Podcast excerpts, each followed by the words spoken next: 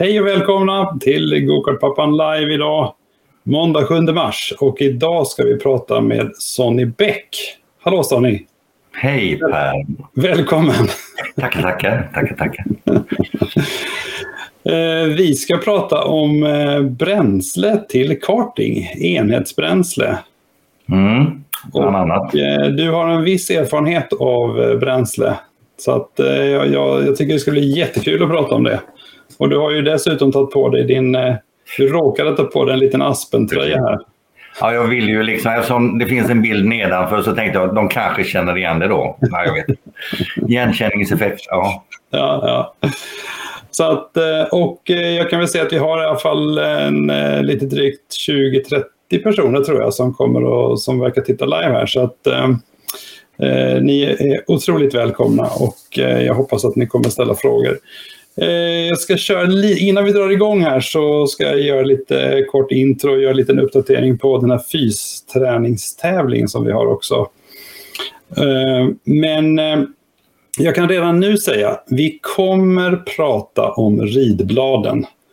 Så att det, det kommer, vi, vi, kommer till det, men, men om en liten stund. Det är väl en av de sakerna som har varit, redan har kommit in frågor om. Eh, så att eh, det är vi lite förberedda på. Ehm, så vi ska se här då om jag bara är lite borta. Ska vi se här. Ja, ni vet, ni som brukar titta här, att ehm, det är bara att ställa frågor och man kan ju lyssna på detta både på Spotify och Acast och YouTube och så efteråt. Ehm, sponsorerna för Siri, Siri Racing, är ju Perssons uthyrning och försäljning och AudioSafe som vanligt.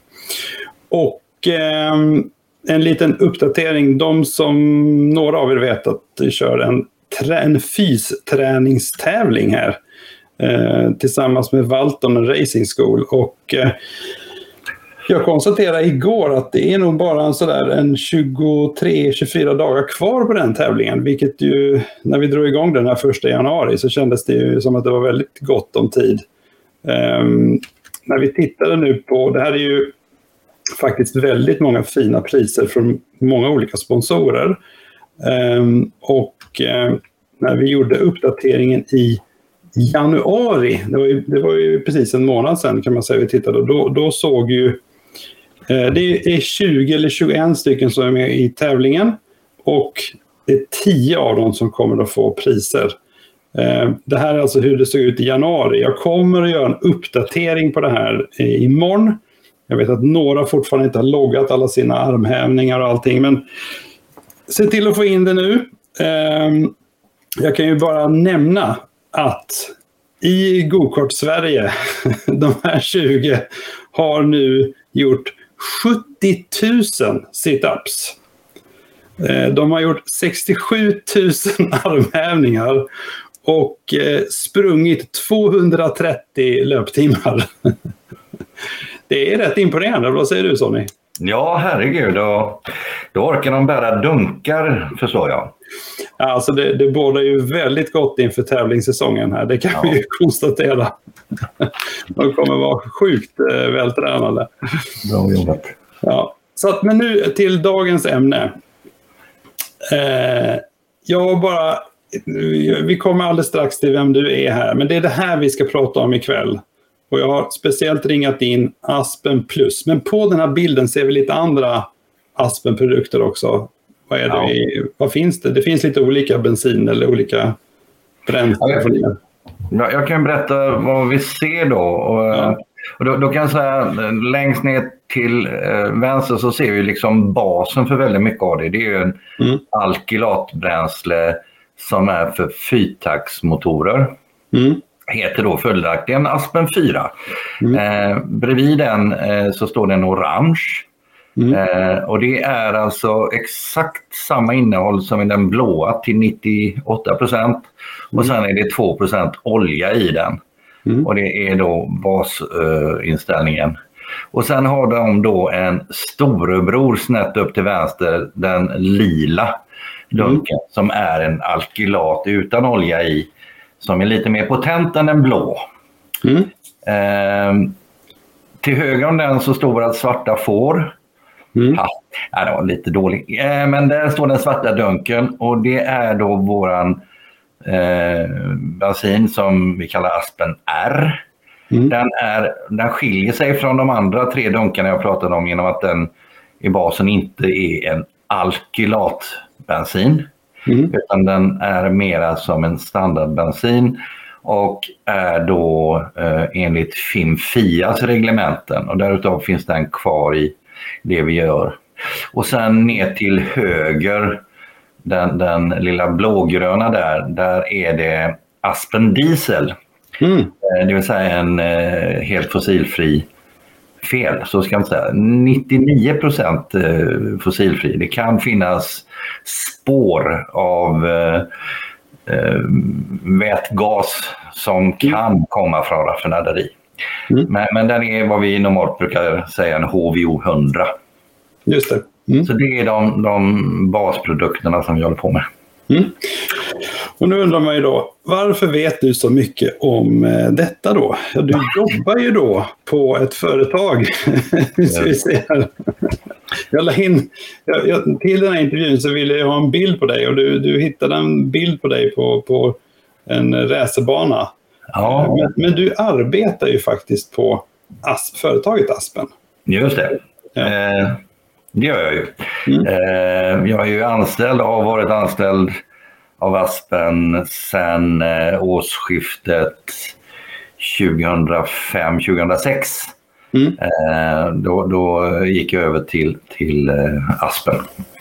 Mm. Jag har då varit, det blir några år, men jag har också tidigare i mitt liv jobbat med bensin.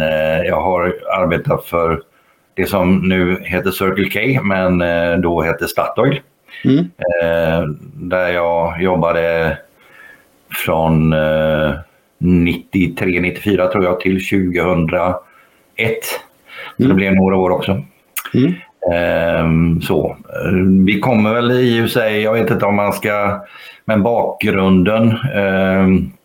Ja, vi, vi, kom, vi kan väl bara konstatera, tyckte, jag tyckte det var väldigt kul när jag pratade med dig först, att eh, det känns ju som att du kan det här med bensin och, och eh, bränslen. Så att jag, jag, eh, jag hoppas att ni faktiskt passar på att ställa frågor nu till mm. dig. Som, som, som, det är inte så många som vet så mycket. Om du håller på med bensin och bränsle sedan 93, eh, då du kan betydligt mer än många av oss kan man säga. Ja, jag är ju inte som du Per, kemist då. Men, men jag, nej, just det. Nej, just det. Men, men jo, lite grann har jag lärt mig av, av mm. det genom åren. Mm. Uh, så att vi, vi, vi tar det Ja, precis. Och, och det är också så som är bra att veta att du är ju, har ju varit ansvarig för kontakter med motorsporten också. Det är inte bara att du kan mycket om bränsle, men du kan också mycket om bränsle för motorsport. Ja, mm. eh, de sista åren, eh, eller de, sen 2000, jag satt och funderade själv, men jag tror att jag fick ansvaret för 2014 tror jag, någon gång. Mm. Att jag fick ansvar för motorsporten på Aspen. Mm. Eh, så att, och innan det så, ja, vi hjälp, hjälptes ju åt. Så den, den, min föregångare där, han, han fick ju hjälp då och då också. Så, att, eh, mm. så det har varit några år. Ja, nej, det är jättekul. Det... Men om vi börjar med företaget Aspen då. Vad är det för företag? Det är, jag, jag, jag måste erkänna att jag kände väldigt lite till om företaget innan ja. jag började läsa på. Ja, det, det... Aspen är ju...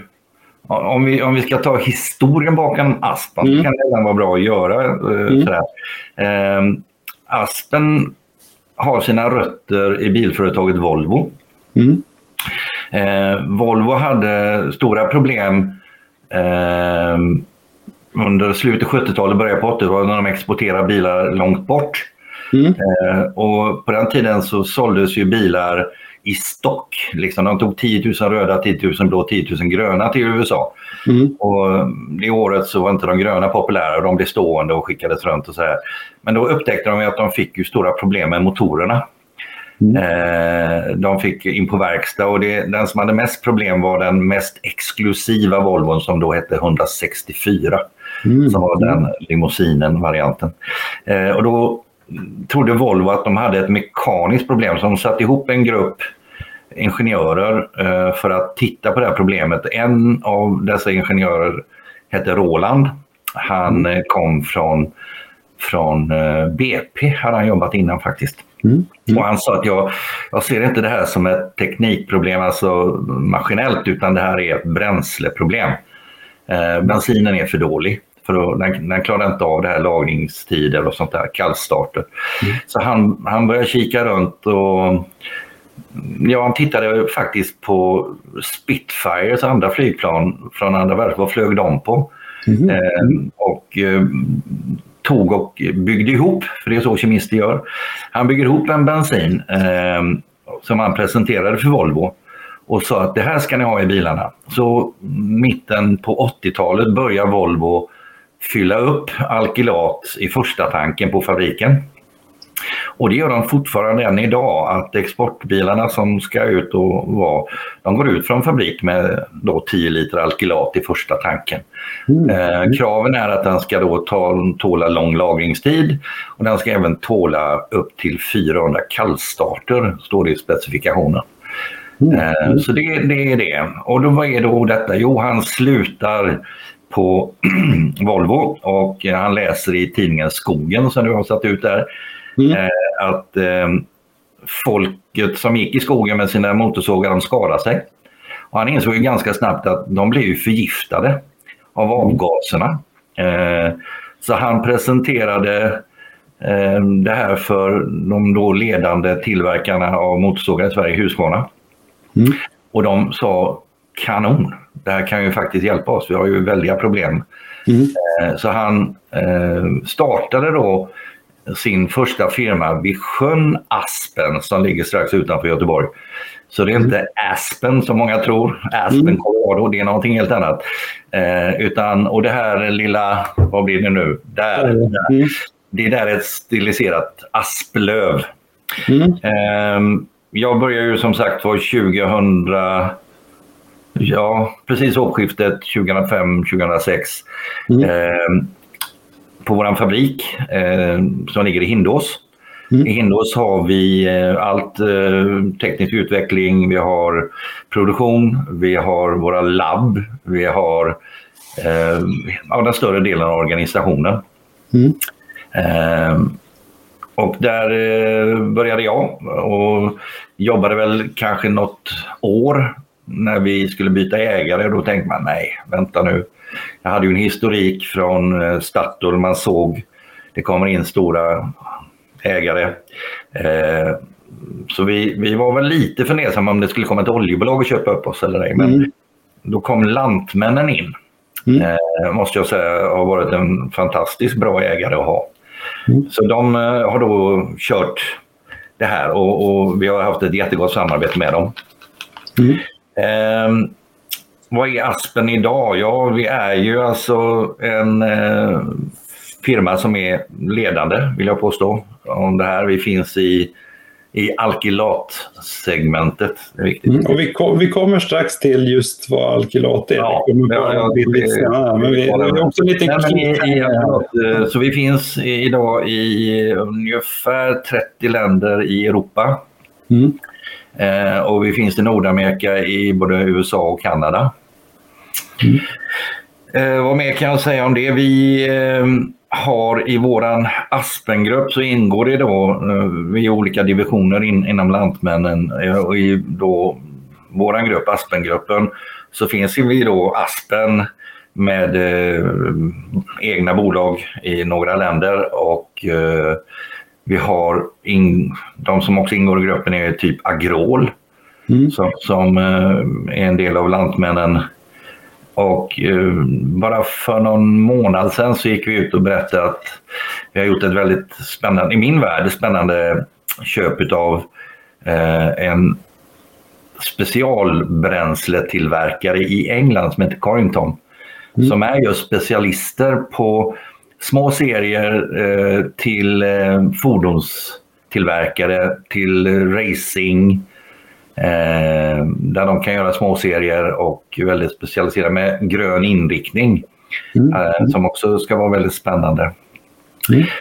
Det Ska vi sticka emellan? Vi, vi, ja. vi har fått vår första fråga här från Johan Andreasson. Han, han, eh, han säger han, han, det är lika vad vi tar den här. Vad körde ni på i Vegas på Supernationals undrar Johan här. Ja, där körde vi då på den som eh, tanken är att vi ska köra på i Sverige också. Det är den lila dunken, Aspen Plus. Det, Aspen det, det är det bränslet som eh, nu då har blivit enhetsbränsle i mm. Superkart i USA. Mm. Just det. Mm. Ja, eh, nej, det, det ett, och, och, och, om jag fattar det så är VD också har varit med väldigt länge. Ni har liksom eh, ni är ett gäng där som, som verkligen eh, gillar det ni gör uppenbarligen. Ja, det är, det, det är ju fel att säga att vi är ett gäng som har brinnande intresse för vårt jobb. Nej, men det, det blir lite typiskt Göteborgs kanske. Jo, Claes är ju, han har ju en historia som går tillbaka att han var faktiskt med och monterade ihop den första maskinen eh, för att fylla på Aspen. Mm. Han har, vad de säger, gått den långa vägen. Det finns liksom mm. inga jobb egentligen på Aspen som han inte har gjort. Mm. Eh, han var min chef när jag blev anställd, då var han försäljningschef. Eh, mm. Och eh, efter några år då så eh, fick vi faktiskt, det var väldigt otroligt. Jag har aldrig varit med om en arbetsgivare som faktiskt frågade oss anställda, vem vill ni ha som VD? Mm. Och eh, då, då, tyckte vi absolut att vi skulle ha Claes som VD. Och det har han varit. Så jag tror att han, mm. vi startade 88 och han började ju där då. Och mm. Han har ju varit med hur länge som helst men eh, pojken är ju inte så gammal. Han är han 53, 54? Ja, det... Så han, han det, det är i stort sett hans liv. Eh, han gjorde visst något år på Saab Automation eller eh, mm. Automotive innan. Mm. Eh, men, men, sen så har det väl varit Aspen. Mm. Mm. Ja, um, ja, ja um, vi var, den här har vi nästan varit inne på, men, men uh, ni, ni har ju Alltså du, du, nämnde det, ni är liksom ett gäng. Ni har då kemister och ni har liksom olika typer av kompetenser. Som, som, men alla jobbar liksom med bränsle. Kan du berätta ja. lite om hur det hur, hur ser det ut? Det, där? Ja, det, det är ju så att eh, självklart så finns det ju eh, men i och med att vi är nischade i, i bränsle så, mm. så är det ju det då. Och jag, jag, jag är omgiven av i min värld eh, och enligt mina bedömningar otroligt kompetenta personer. Mm. Eh, vi, vi eh, har ju då eh, folk som sitter där och, och eh, klurar ut olika, vad, vad är detta om jag sätter ihop den här molekylen med den molekylen, vad blir då det här och vad får vi för mm. effekter där? Eh, vi har en kille som heter Ulf Karlsson som i min värld är en vandrande Wikipedia när det gäller massvis av saker. Eh, mm. Men otroligt eh, duktig på detta med bränslen.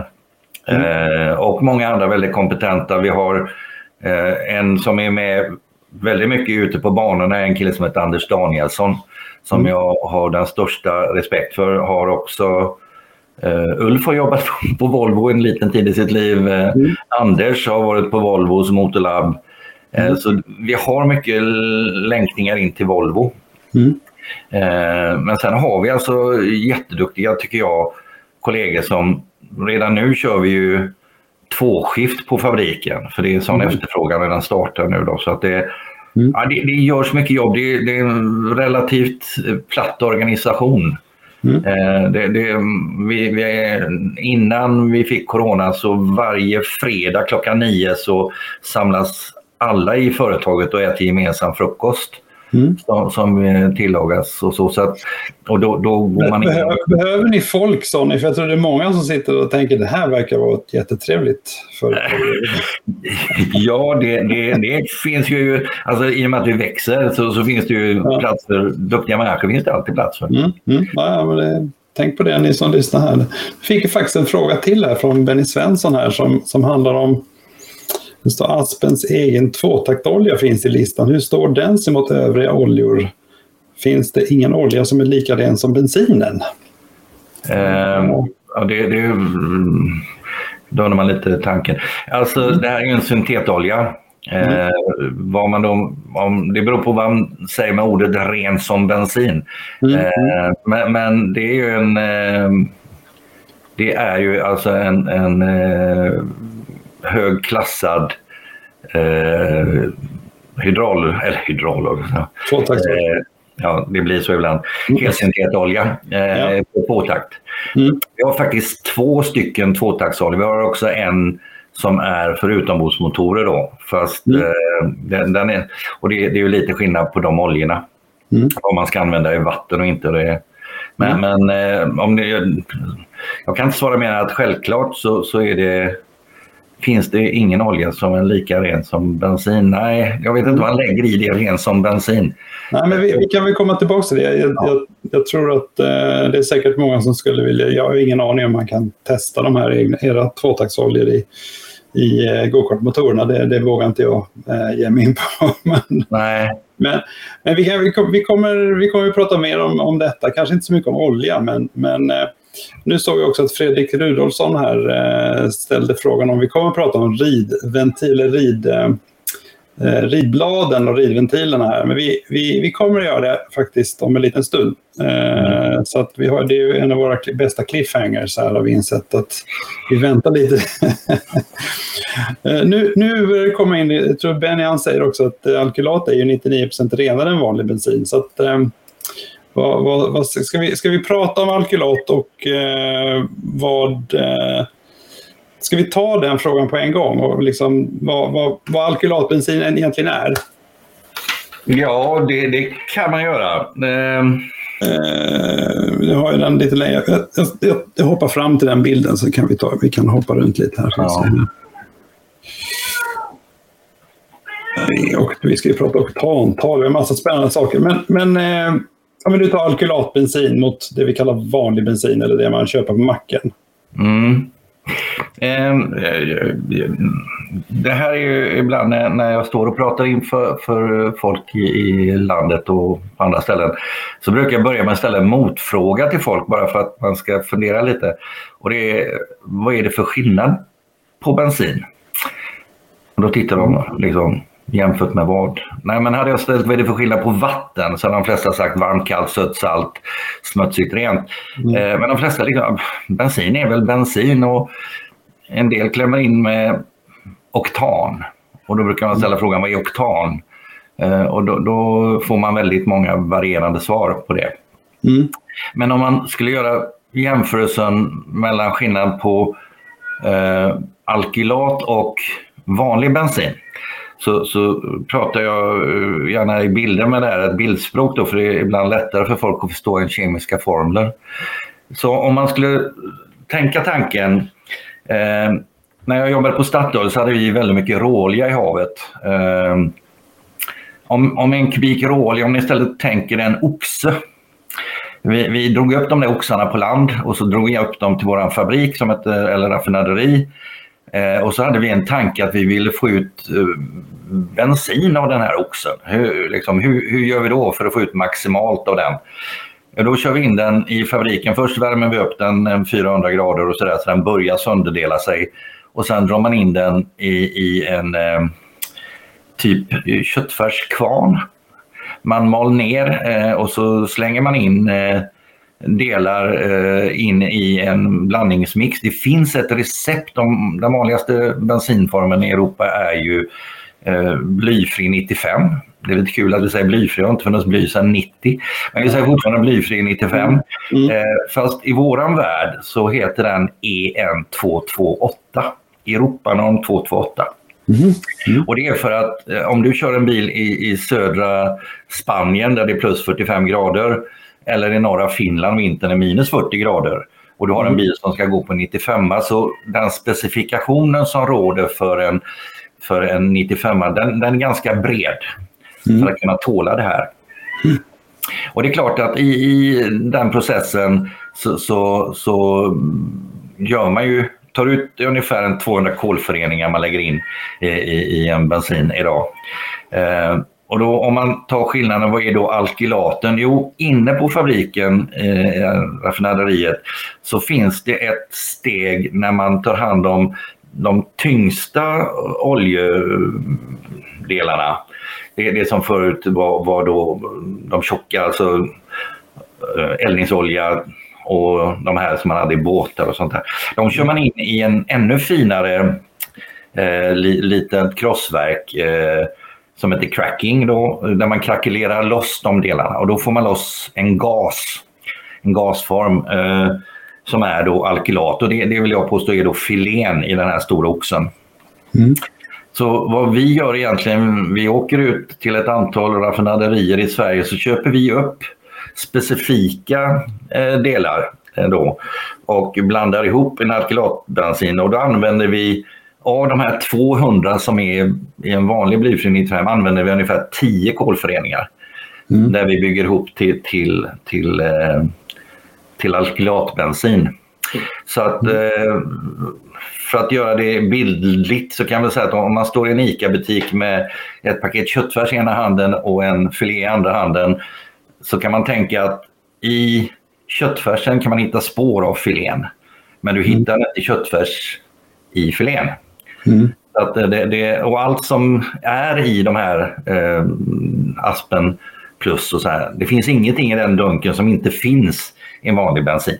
Men det finns väldigt mycket i vanlig bensin som inte finns i dunken.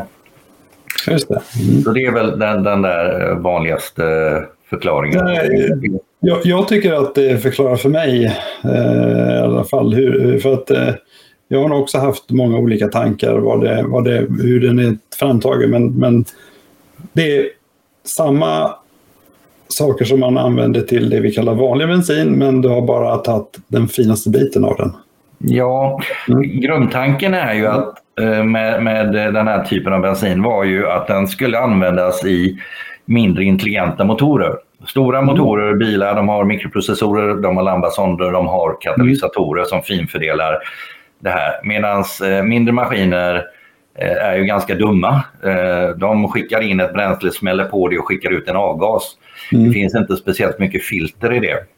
Mm. Och, eh, det var ett av skälen varför då skogshuggare på den tiden, när de stod över en, en motorsåg i, i en, eh, det blir ofta en snögrop för de tog ner träden på vintern. Mm. Eh, och de, de blev ju alltså riktigt berusade, eh, mm. förgiftade av ångorna. Mm. Det var då man kom på att eh, det är ganska smart. Vi säger ibland att eh, vi har SISU, det betyder shit in, shit out. Eh, mm. lite mindre skit in i förbränningsrummet så kommer lite mindre skit ut mm. av det. Så att mm. vi kompenserar låg teknik med ganska högteknisk bensin. Mm. Mm. Det är också en bra förklaring tycker jag. Ja. Att, uh, och eh, vi kan också säga att det finns ingen olivolja i den här. Kan vi konstatera med samma resonemang? Nej, Nej det, alltså det, jag, jag, jag förstår ju ibland eh, att folk tänker så här. Den kanske mm. de har gjort på kottar i skogen eller någonting sånt där. Mm. Mm. Men, men, det är det inte, utan det här är Basen är eh, fossil. Den mm. kommer från råoljan. Eh, det enda vi har gjort är att eh, om, om man Bensin görs ju i huvudsak av, av, tre stycken komponenter. Det är paraffiner, det är aromater och det är olefiner. Mm. Eh, och då kan väl man, om man vill göra det kan man säga paraffiner är de som är de snällaste. Aromater eh, är de som är elakaste. Mm. Och, eh, sen så kan man då säga olefiner är de som är minst instabila av oss allihop. Och då har vi inte med aromater och olefiner. Mm. Ehm, och det, det, vi kommer kanske in på det sen också lite ja. mer. Men... Ja, vi ska snacka lite om blandbarhet och sånt. Ja. En, en, rolig sak som jag absolut inte hade någon aning om, det var det här att, för jag frågade, kan man, eller det var du som berättade, hur, hur kan man, om man har två dunkar, liksom, kan man säga vad som är alkylatbensin och vad som inte är alkylatbensin? Men då sa att det finns, eh, man kan testa det här på ett lite enkelt sätt. Ja, det, det, det, det är så här då att eh, vi, vi har ett sätt, jag, vi har fått frågan också om att eh, skicka ut eh, något enkelt test. Vi har ju faktiskt ute med oss ibland på, där, där man har med sig eh, frigolit. Mm. Ja, som är väldigt känslig då, styren eh, som är. Och då, då har du vanlig bensin i en liten mugg och du har alkylat. Slänger du i den här lilla biten frigolit så bara en bubbla väck.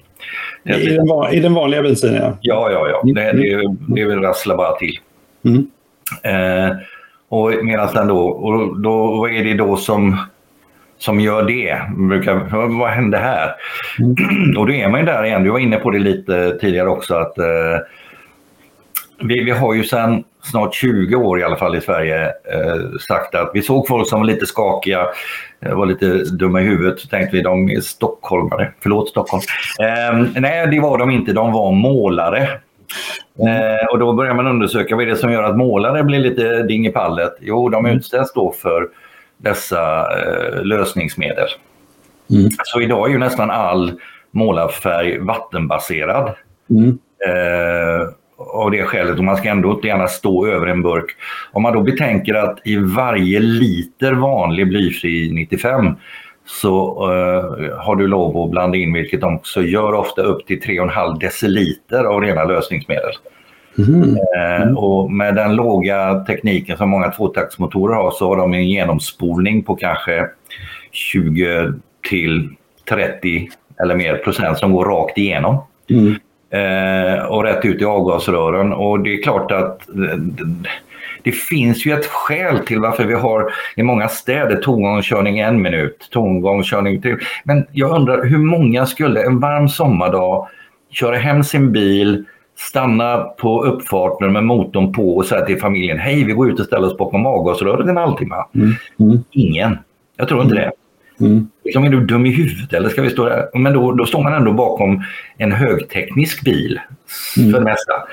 Mm. Och den är man rädd för. Men, men att eh, låta små barn, eh, ungdomar gå i de här dimmorna. Eh, vi kan komma in på det sen igen. Men mm. Mm.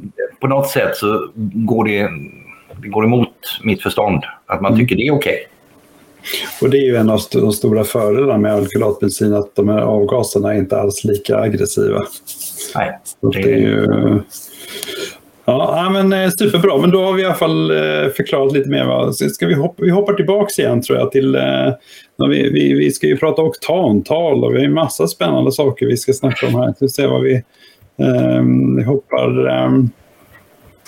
Eh, för jag tänkte att innan vi kommer in på det så tänkte jag att vi skulle komma in på det som faktiskt eh, Johan Andreasson var inne på här. Han pratade om eh, Vegas och Supernationals. För det är ju så att Lilla Aspen då har, har varit på en väldig massa möten med de här stora gigantiska oljebolagen eller vad vi ska kalla dem.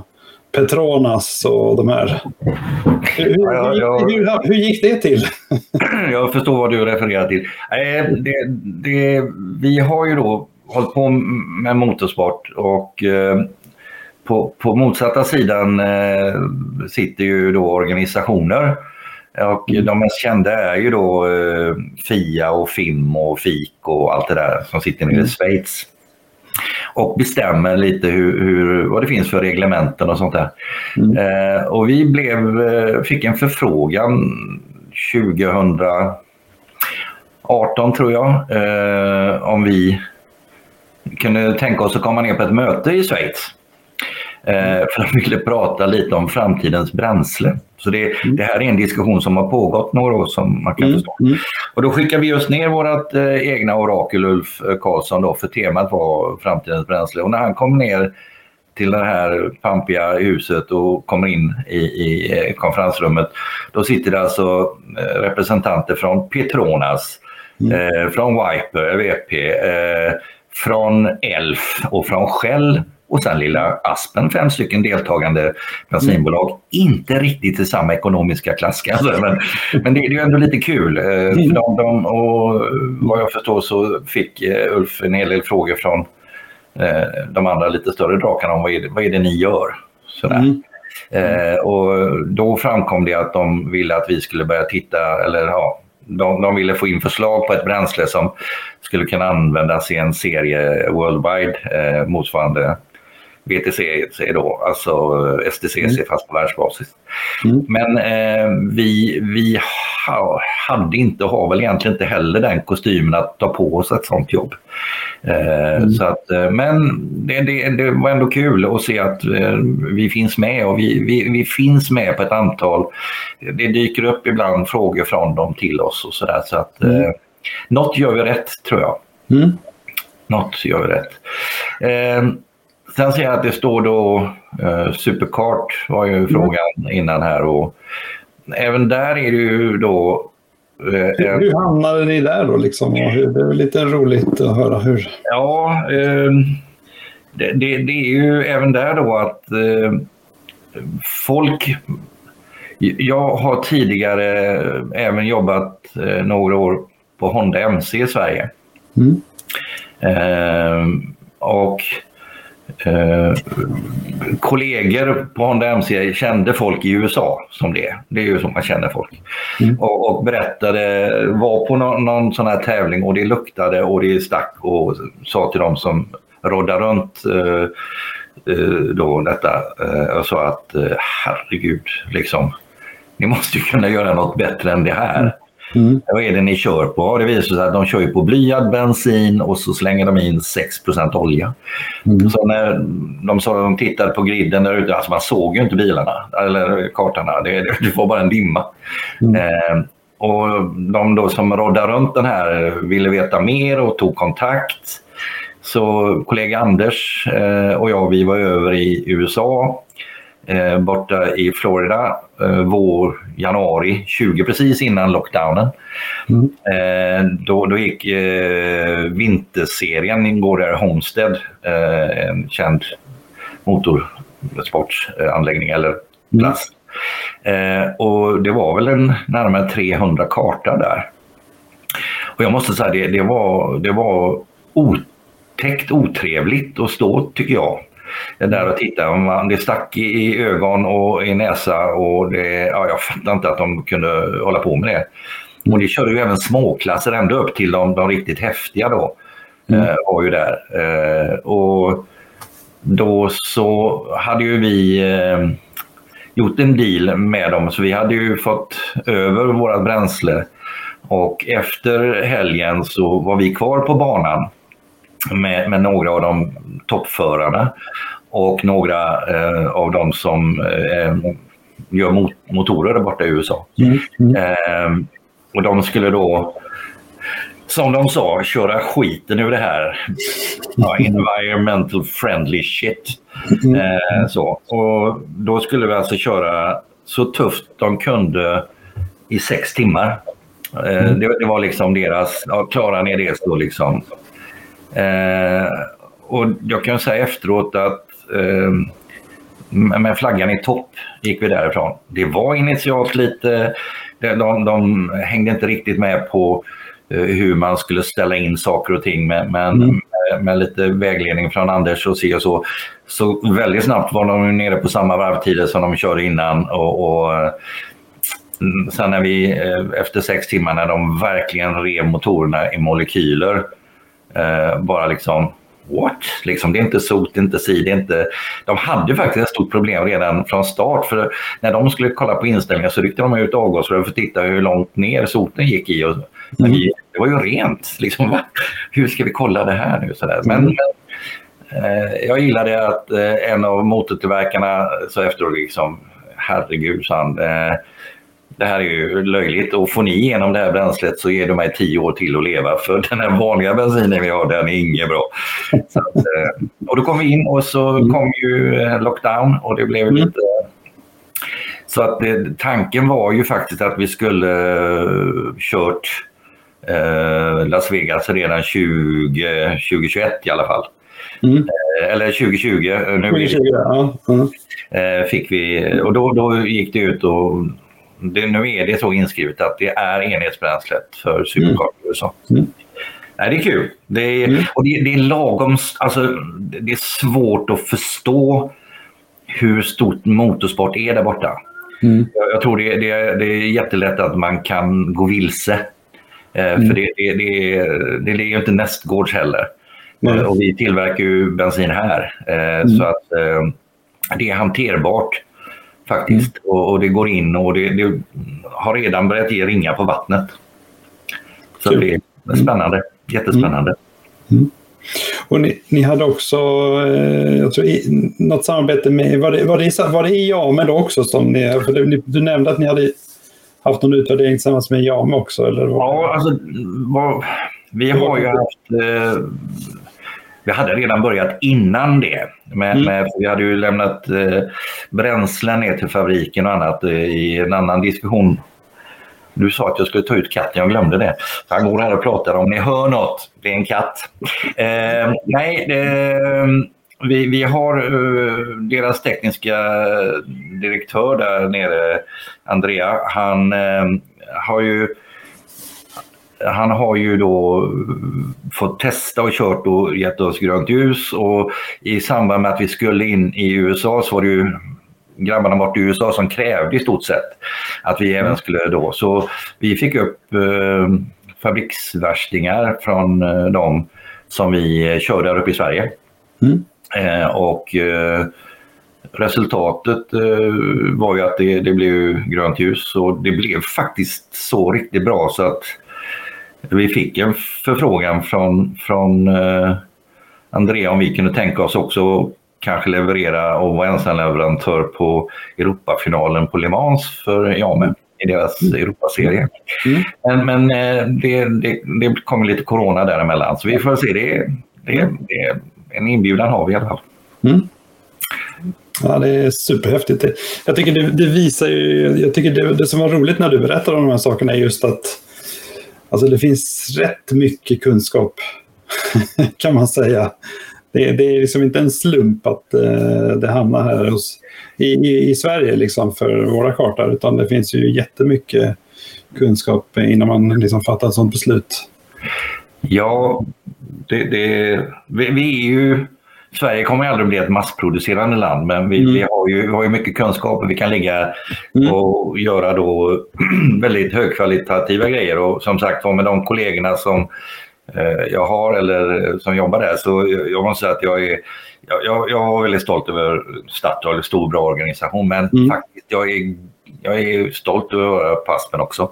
Mm. Den, den lilla, lilla organisationen. Ja. Och vi, vi, gjorde det här, alltså inom vilka motorsporter är ni så att säga aktiva idag eller på ett eller annat sätt om ni är enhetsbränsle? Men Ja, det, det började liksom med eh, radiostyrda bilar och båtar. Förstår ja. jag? Ja, vi, vi, jag tänkte när, när jag fick den frågan av dig så mm. vill jag bara liksom visa lite över spannet som vi finns då. Mm. Eh, och det är ju från de minsta, alltså liksom 23 kubiks eh, supervarvande motorer i, i radiostyrda bilar och båtar. Mm. Eh, och sen så finns det, alltså om vi delar in det i där, där det är obligatoriskt att köra på Aspen mm. så har du räknat upp några där. Eh, och det är ju så, ska du köra trial inomhus i, i Sverige eller så, så är det Aspen som gäller. Mm. Eh, Supercross likadant. Crosskart har, har haft det i flera år, långt innan vi ens nästan började prata med gokart. Mm. Formel Nordic, Gnetta, Thundercars har du skrivit, SDCC står inte med. Mm. Eh, vi har eh, Radical. Eh, vi har de, de måste då enligt reglementet köra. Mm. Eh, och sen har vi också då eh, Porsche Carrera, Porsche Challenge, GT4. Mm. Det är de som, där det står i reglementet, är reglementsbränsle. Sen har vi ju eh, andra som, som kör på Aspen i, i drifting, vi har det i, i eh, dragrace faktiskt också. Mm. Vi har det som har kört i, i båtar. Det slogs ett, för några år sedan så fick vi besök här uppe i Sverige av eh, motsvarande Formel 1 inom båtarna eh, som åkte runt med offshorebåtarna. Gjorde en turné i Oslofjorden och lite här i, Sverige och lite andra ställen. Mm. Då körde de på Aspen Plus och de satte faktiskt ett världsrekord då med, med den bränslet i dem. Liksom, mm, wow, det, för, alltså, tyvärr så är det väl ibland så att eh, folk inom motorsport, alltså luktar det inte skit så är det ingenting att ha. Va? Mm. Det ska vara liksom, äh, sådär, men det, det, är inte det det handlar om. Utan det, det, det är värmeutveckling per kilo massa. Mm. Eh, där man ser hur mycket som finns i det. Då, då är det faktiskt bra grejer, vill jag påstå. Mm. Det är bra grejer. Mm. Och er slogan är att ni gör motorsporten renare. Ja, och det är ju, på, den är ju lite göteborgsk på något sätt. För den tanken är ju att det ena är ju... Men det, det ena var ju att det skulle vara lite mindre jävligt att vara mm. där. Mm.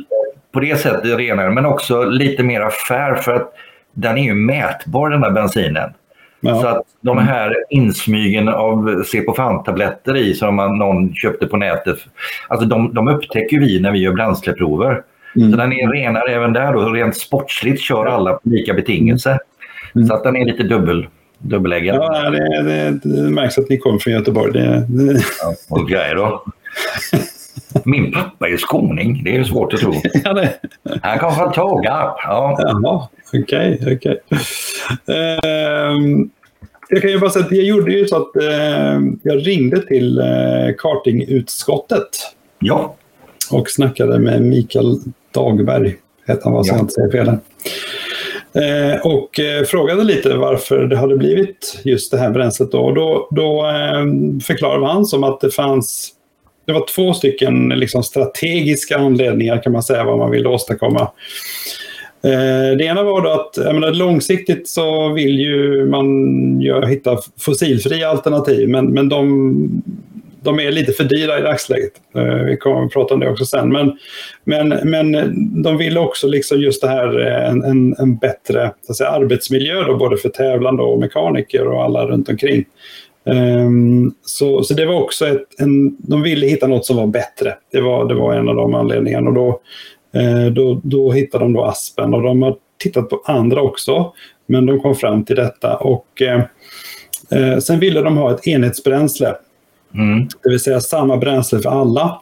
Och, eh, och då var det så att vissa motorer krävde då 98 oktan och då gick man på Aspen Plus. Det var liksom mm. deras eh, eh, förklaring. Så att, eh, det, var, det, var, det är liksom det som... Eh, för det är, ju, det är ju Bilsportförbundet här som har liksom sagt att vi ska föra in det här. Så att, eh, jag tyckte det var lite kul att veta vad, de, vad som var bakom hur, de hade, hur de hade tänkt. Och det här var det som som, som Mikael då sa till mig.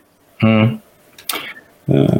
Ja, det, är, det är ju så här att uh, det, det, det, finns ju, det finns ju ett glapp uh, om man betänker lite större bilder. Det tog 300 miljoner år att skapa råolja mm. och vi förbränner upp den på 300 år. Så det kan väl vem som helst räkna ut att det, det är inte den smartaste lösningen. Mm. Mm. Men lite så som vi också har pratat, eller vi pratar, är ju att vägen dit tills vi kommer där. Och det är, mm. det är ju någonting som vi kontinuerligt jobbar med på Aspen. Det är ett av skälen varför vi, vi, vi säger att vi har den här inriktningen då att vi ska vara mindre jävliga. Eh, mm. så, så, finns ju det här. Mm. Eh, och, och vi, vi, ser då i mätning efter mätning och det är ju universitet och det är alla möjliga som mäter och man gör luftmätningar om eh, partikelinnehåll eh, i, i den mm. luften som vi går i. Och tillbaka igen, det finns ju ett skäl till varför man har tomgångskörning en minut, tre minuter och sådär. Mm. Eh, det, det, är ju inte... Eh, det låter som jag har gjort väldigt många saker men jag har ju bland annat jobbat inom eh, sjukhus och kört blåljus och lite annat och sådär. Och det är ju så att det finns saker runt omkring oss Mm. Som vi vet, men vi ser dem inte. Alltså strålning, du ser inte strålning. Eh, och du ser inte... Alltså när vi kom och skulle hämta ut en patient och det stod ovanför dörren smitta. Mm. Vi visste ju att det fanns någonting inne i det rummet som vi inte ser, men det var många munskydd och, och mycket vantar och sådär. Mm. Eh, och alla vet ju nu med corona, liksom, det finns någonting i luften som inte är så bra. Och det är ju likadant med avgaser. Alltså mm. i, i avgaserna när de kommer ut. Eh, med eh, aspen, det är inte så att du får mindre avgaser. Men innehållet i avgasen som kommer ut är så pass mycket mindre jävlig. Mm. Mm. Eh, så det, det, är ju ett av de skälen. Alltså det här är ofta många små människor, små lungor. Eh, mm. De är känsligare. Mm. Det finns nere i våra lungor små bubblor som heter alveoler mm. som är väldigt känsliga när de utvecklas och sådär. Eh, och då kan man ju se, det, det är ju den delen. Mm. Och enhetsbränslet i sig, det är ju också, vi ska ju prata om detta med, med, med vad, vad, olika motorer egentligen kräver och så. Uh, mm. Vad är oktan? Vi kommer tillbaka till ja, det. det. är faktiskt, det är faktiskt nästa är faktiskt uh, uh, oktan. Så att, uh, okay, ja, men då kan vi nästan hoppa dit då. Ska vi ta den oktanen? För den tyckte jag också... Jag, jag, jag sa ju till dig att jag hade ju precis varit och tankat när vi träffades. Så då hade jag ju då, då, läser man ju där med Ron och lite sånt brukar det stå ja. där på mackorna. Ja, det, det, det, är en av de grejerna som, som det, det, jag gärna vill att folk tar till sig nu då. För att mm. eh, oktan, eh, det, det, är... Eh, all bensin har två oktantal. Mm. Och, eh, ibland försöker jag förklara vad är då detta? Ja, det är ungefär som Eh, det, det, är ett mått man mäter eh, som man kan tänka Celsius eller Fahrenheit. Det är två sätt att, att mäta temperatur mm. ute. Eh, om, om man, det man ser på skyltar på bensinstationer och annat, det är RON. Det står för Research Obtain Number. Mm. Och det är alltså knacknings spikningsmotståndet vid låga varvtal. Höga mm. motortryck, hög kompression. Eh, man vill ju ha en kontrollerad explosion. Strax innan övre dödläget skall då den börja värmefrigöra det skall. Den ska inte antända innan för gör den det så får man de här spikningarna. De kan ju mm. slå sönder i motorer och mycket sådär. Mm. Och det är då alltså ett tal på det den gamla sättet tills för några år sedan, då hade man en, en fastmonterad motor och så eh, gick den på lågvarv 600 varv och så vred man på tändningen så när börjar spika den? Då hittar man oktantalet då, från. Mm. Mm. Eh, och sen hade man ett eh, då som hette den andra sidan som då är MON. Och MON är då Motor Octane Number. Och det är då eh, spikningen vid höga varv, när du varvar mycket. Mm. För då, då, ska också den hänga med så att du inte får samma sak där. När det går fort så, så ska den tända på rätt ställe. Mm. sen finns det då, som jag om man går överkursen hos mig, eh, nej, då, nej, då finns det ett, ett, AKI också. Det använder man om man åker över till USA så kan man tänka att man kör in på en bensinstation och så står det 88, 89, 90 och sådär. Mm. Eh, det tredje oktantalet är att eh, där borta så lägger man ihop RON plus MON och så delar man med två. Mm. Eh, då kan det vara bra att veta att i, i en vanlig 95 så är den alltså ronnen är 95, monnen är 85. Det är ofta en spread på 10. Det vill mm. säga en 98 den har 87. I, i, i då. Och då, då kan man tänka 95 plus 85 delat med 2 det är 90. Så är man mm. över USA och man kör en 90 och det kan vara bra också om man köper vissa maskiner från USA eh, så står det liksom use minimum 90 och så tänker man vad är detta för skitbensin? Men det, det motsvarar en europeisk eh, 95. Mm. Mm. Så där, där, är oktan. Det är ingenting, det är ju ett grundämne men i det här fallet när man pratar oktantal så är det alltså två sätt att mäta. Och det är mm. spikningar vid höga varvtal och vid låga varvtal. Mm. Så att du har kontrollerade eh, explosioner. Mm. Så det är det. Och då kan man Ja, förlåt. Nej, jag bara tänkte, alltså, när jag, alltså, det låter ju lite grann som att MON-talet är, är, intressant för en kart. Exakt. Tänker på att den går ganska högvarvigt. Exakt, och det, det är ju det som är lite kul för att många ja, kör på 102. Du har ingen nytta av det i din lilla kart. Ja, för det är RON 102 då? Mm. Ja, alltså, det var en R exempel. Ja, men om jag kör på R då får jag inte ut lite mer då. Mm. Eh, nej, det får man inte för det, du, du, har ingen nytta av det. Du har inget högt botten, du har ingen hög eh, kompression idag. Mm. Men däremot när du börjar varva 15-16 000 varv upp igenom, mm. då är det då är det mångtalet som är viktigt. Mm. Och det är intressant. Eh, för att det finns inget bränsle eh, egentligen av eh, våra kon. Det är nog ett av skälen också som jag kanske inte eh, Micke pratar om. Men när vi då tittade på det här mm. så, så har ju vi på våran 98 så är den 98 i då RON och 94 i MON. Mm. Det är ju lite kul att, om vi hade då jämfört våra Aspen Plus och R så hade de varit jämställda i USA, eller de är jämställda i USA. För tar du 102,90 och delar så hamnar du på 96 i, i snittoktan. Mm. Uh, tar du 98, 94 så har du också 96. Men just 94 är det, det, finns ingen ännu av våra konkurrenter och men de kommer väl att flåsa oss i nacken, eh, som har så högt. Eh, mm. Våran vanliga då, för en, jag har fått frågan, men skulle det inte kunna vara... Eh, nej, den har faktiskt eh, Även om den är bättre än vanlig bensin så har den 92. Eh, och då, då är det skillnad upp till, till våran 94. Mm. Så av det skälet var det också... Aspen, Aspen Plus, den har alltså 94 i montal. Ja, det är den som har högst montal. Det är väldigt mycket högre än 95 då som har 85. Ja, mm. mm. så är det. Så att då, även om de skulle köpa en, en, eh, det var ju, jag vet många gillade att köpa 98. Den mm. har 87. Så det steget dit upp är ju fortfarande på det man får ut effekt. Så, så är det. Mm. Och när man egentligen pratar effekt, jag vet inte om man bara ska nämna det. Alltså mm. när man mäter eh, effekt så mäter man ju det i värmefrigörelse per kilo massa. Eh, hur mycket värme släpper den ut? Och det kan vara, vad är man säger, nota bene. Det är faktiskt så att det är lite mer värmefrigörelse i våran plus än i våran R. Det kan mm. vara mm. att det, det, med rätt inställning där så finns det lite mer energi i den. Mm. Så är det. Ja, jag tycker det är jätteroligt att få prata om oktantal så här på bästa sändningstid ja, kväll. Det är inte ofta man får den chansen. Nej, nej men det, det, man, man har hört sådana här oktan. Ja. Ja, ja. ja, du vet hög oktan. Ja. Mm. Men det kan vara bra att veta vad den ska användas till. Precis. Ja, det är ingen som har någon annan fråga om eh, måntal här. Vi får se. Det, vi har faktiskt eh, över 50 personer som hänger med oss här ikväll. Det är ju fantastiskt ja, roligt. Ja, jättekul. Kan man vinka till publiken? Ja, gör du det? Det tycker jag. Ja, så.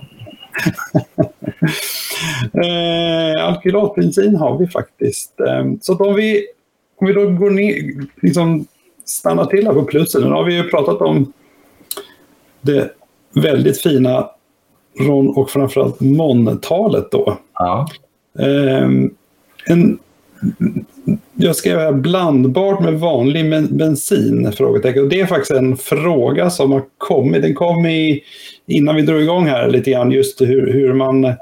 Vad gör man med den... Eh, ja, eller kanske inte riktigt samma. Det var en fråga. Vad gör jag nu med den gamla bensinen som står i, i tanken till exempel på kartan eller något? Alltså, mm. jag, men hur är det med blandbarheten? För jag har hört olika varianter av vad som gäller. Mm. Vad, vad, är det? Är det blandbart eller är det inte blandbart? Det är mer än väl blandbart. Som sagt var än en gång, det finns ingenting i den dunken som inte finns i vanlig bensin. Ja, mm. Vi är tillbaka till köttfärsen och filén. Alltså det, mm. det, så är det. Så den är fullt blandbar. Men eh, det, det, är ju så att när man, väl, när man väl byter och går över till till alkylaten så finns det vissa saker som skiljer alkylaten från vanlig bensin. Mm. Eh, och en av de sakerna är ju eh, vikten på den. Mm. Eh, även här då om man tar det lite, försöker bygga upp det lite grann. Eh, I en kubikdecimeter rymmer en liter. Eh, är det vatten vid plus 4 grader så väger den ett kilo. Mm. Eh, tar man en kubikdecimeter med vanlig bensin, alltså 95 och då, då är det, mäter man alltid petroleumprodukt vid plus 15 grader. Då, då väger i snitt, den har ganska stort toleransvärde, men, men i snitt väger den 750 gram. Mm. Eh, då, vilket gör att eh, det är därför som den också flyter ovanpå vatten. Så går bensinen upp, för den väger mindre. Mm. Tar man då alkylaten här plus så väger den 700. Så den skulle lägga sig ovanpå bensinen. Mm. Vad är det då för värde i det här? Jo, det är ju som så att eh, för att få i samma mängd energi då, eh, kom, skillnad mellan 700 eller någonstans runt 750, det är att man behöver gå upp lite i munstycken för att få in eh, rätt mängd bränsle in i motorerna. Eh, så det, och där tror jag nog att en del bestyckar nog kanske efter vanlig bensin. Mm. Eh, och därför, om du pratar blandbarhet då, eh, då ska man egentligen vara där och skruva vid de här två tillfällena eftersom den skiljer så mycket.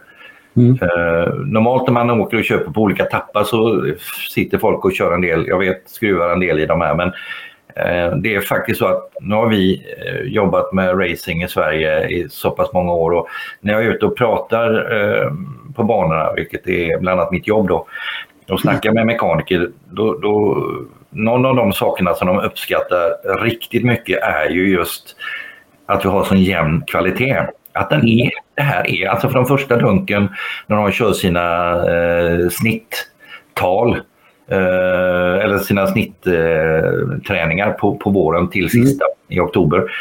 så är bränslen konstant. Mm. Och vad, som mekaniker så säger de det, vi vet nu att vi behöver inte lägga den tiden Alltså bränsle. En del pratar ju om men nu får vi säkert två tiondelar. Nej, då lägger de den på setupen istället.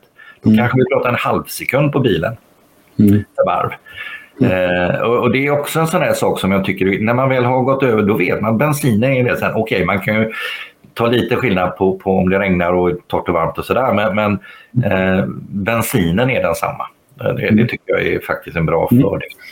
Vi fick en fråga från Alex Danielsson här, en eh en av mina tidigare gäster här och eh, Alexias pappa. Eh, han undrar om eh, snittalet på 750 gram per kubikdecimeter, kubikdecimeter då, med dagens 95 med 10% etanol. Stämmer det fortfarande det ungefär? Eller? Ja, det förra året kom det ju 10% etanol och innan ja. 5% Jag sa ju förut att eh, den här receptet eh, för 95 heter ju EN228 och sen finns det slash så är det ett årtal bakom.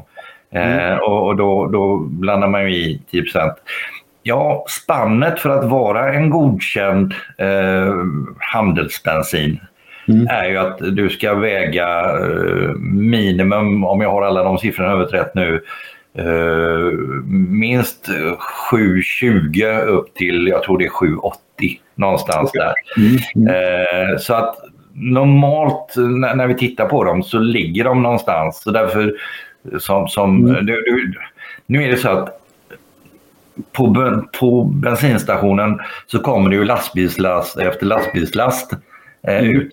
Och det kan vara så att den ena väger 745 och så kommer nästa 755 eller 760.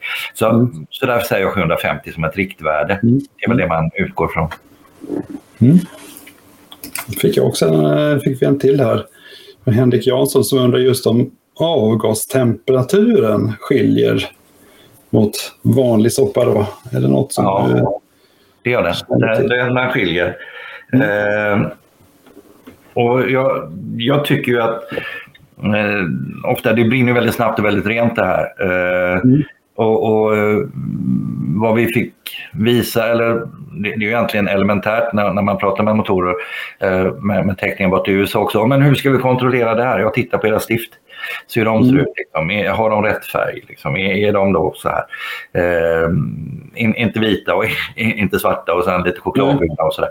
Eh, mm. där ser man. Men, men, generellt sett så ja, vi har lite lägre motortemp, förbränningstemp. Lite lägre? Mm. Ja. Den, mm. den, eh, alltså generellt sett så, så, så sänker den lite grann. Den, den brinner väldigt mm. snabbt och ganska hög värmeutveckling just när den tänder på men mm. den har en snabb förbränning. Mm. Eh, och med tempen, det är ju samma sak där. En av de sakerna som bränsle ska göra det är ju faktiskt kyla. Mm. Eh, det är ju en del av processen. Den, ska ju brinna men den ska samtidigt vara med och kyla. Så därför är det ju, magrar man ut eh, inflödet Eh, det som kallas lean burning. Mm. Eh, du, bränner, du, du kör för magert, då stiger då bygger du på värme. Då får du mm. alldeles för och då får man skador av det. Då. Så att det gäller också att man verkligen går upp så du får rätt flöden. Titta på dina stift så du ser att du har en bra förbränning i den. Mm. Så att, eh, motortemperaturen, det finns många saker som man kan påverka men generellt sett så brukar man säga att eh, några som vi har nu flyger med Aspen, det är de här Paragliders. Mm. Eh, de, de, hade ju problem med, med eh, vanlig bensin för den hade ju etanol som kan dra till sig vatten och lite annat, men också sin motortemperatur. Mm. Eh, och jag pratade med, med grabbarna eh, som håller på med detta, för det hände lite krascher och sånt.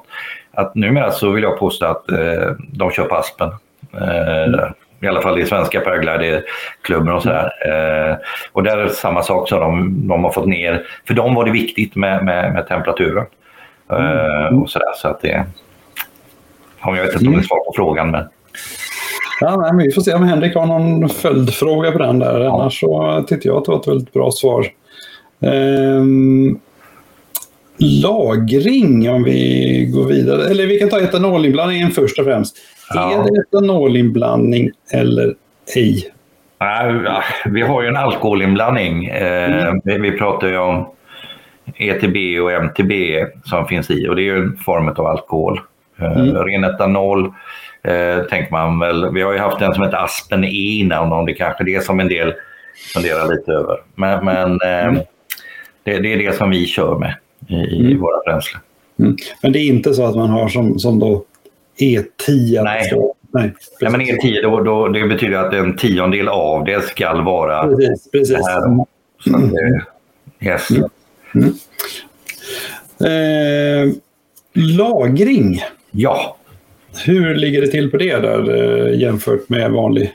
Ja, eh, tillbaka igen nu då till eh, aspen och jämfört med vanlig bensin. Alltså den bensinen som vi har i våra bilar. Mm. Statoil eh, som jag jobbar för. Eh, när man skulle då släppa ut en tankbil eh, från raffinaderiet så innan de går ut så, så gör man eh, en test på bränslet. Mm. Eh, och, och, det gör man genom att man plockar in bränslet eh, under hög värme och eh, starkt ljus. Mm. Eh, och så ska då inte bensinen börja fälla ur sig. Eh, oxidation kallas det, med lite fräckare mm. ord. Eh, då klarar den 360 minuter så är den okej, okay, säger man. Mm. I Europa, det, det står i normvärdet, 360 minuter. Ska, I USA är det 260 minuter, mm. bara som notering. Eh, för tanken är inte att eh, dagens bensin skall vara eh, en lagringsbensin.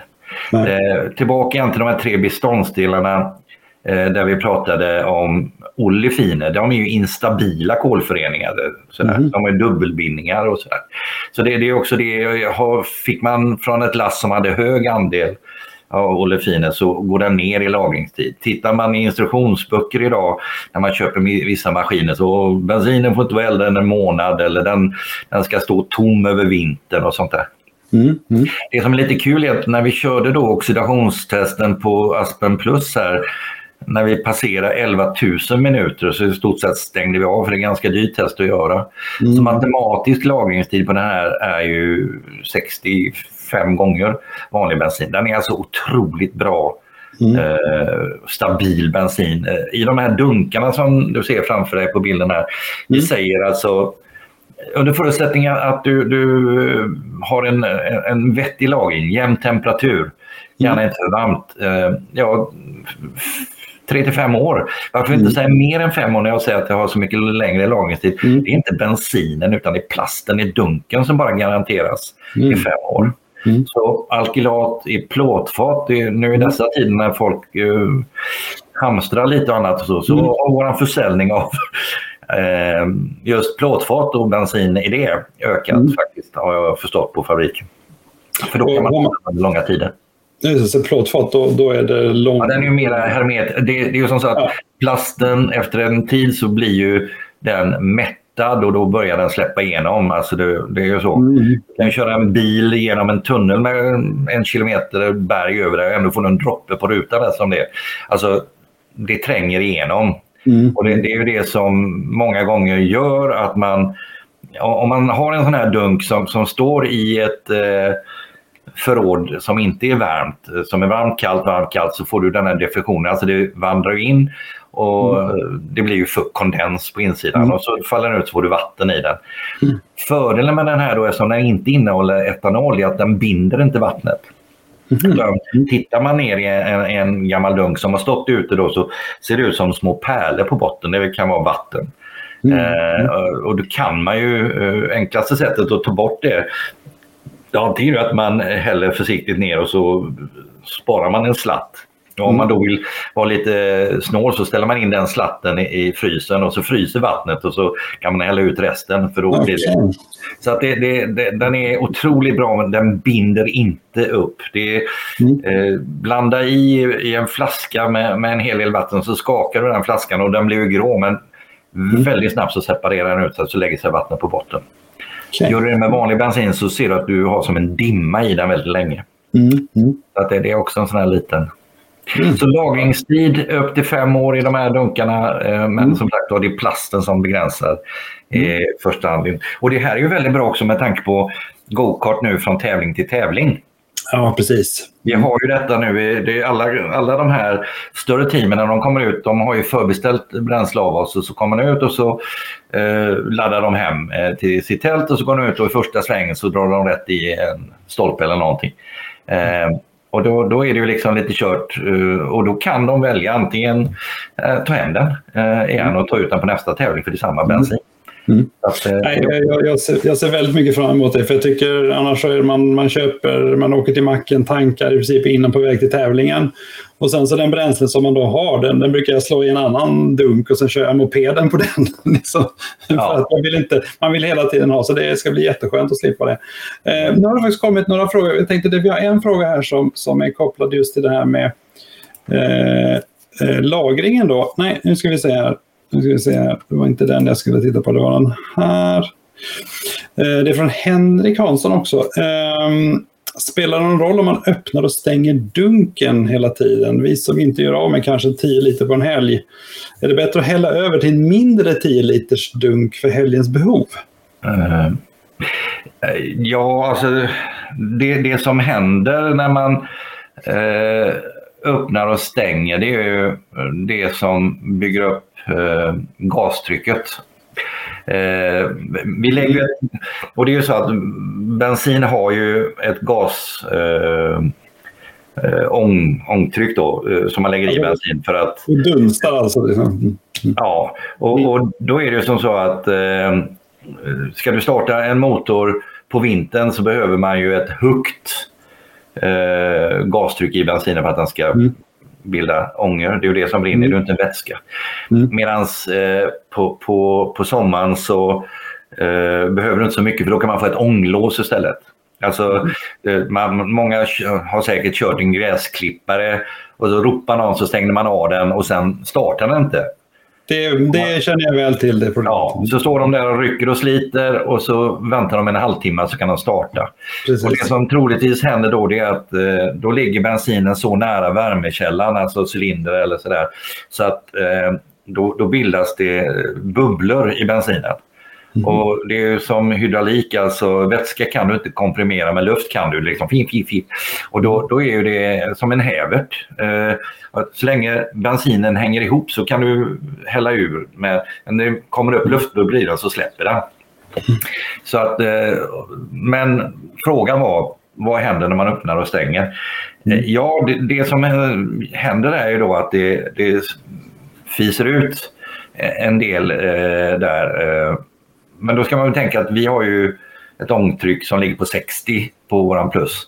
Mm. Eh, motsvarande, och är det på sommaren och sådär, nej det, det, är inte så farligt. Eh, mm. Helt iskallt.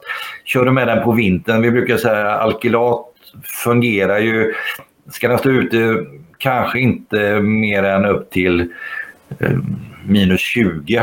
För då, med, med ångtrycket 60 Eh, då, då, kan, då får man ta in det lite grann så den blir varm eller när motorn startar så det är inga problem. Det är inte aktuellt att köra Nej, det är, ja, om man kör isracing då kan det vara Ja, lite. jo faktiskt. Men men, men, men eh, det, det, det, är så att vanlig bensin på macken är ju i Sverige mellan 75 till 95 kilopascal mm. i, i, i där. Lagen säger att vi får inte ha högre än 65 på alkylatbensin. Det finns en gräns där. Mm. Det, det, det, är lite där. Ja. Jag vet inte om det var riktigt svar på frågan, men nej, det är inte så farligt om det pyser ut lite grann. Men att det pyser ut betyder att den frångar ju sig. Mm. Men, men, men, men du säger att man behöver inte hälla över på mindre dunkar? Nej, det är av hanteringsskäl. Ja, men inte, inte för att den blir sämre i alla fall. Nej, nej. nej alltså, mm det är klart, öppnar och stänger, öppnar och stänger 47 gånger så har du mm. pyst ut lite grann och då har du säkert gått ner en del i ångtryck. Men mm. är det sommartid och så så behöver vi inte så högt ångtryck. Eh, I södra Frankrike, Spanien så är kanske pumpbensinen kanske har ett ångtryck på, på 30 kilopascal.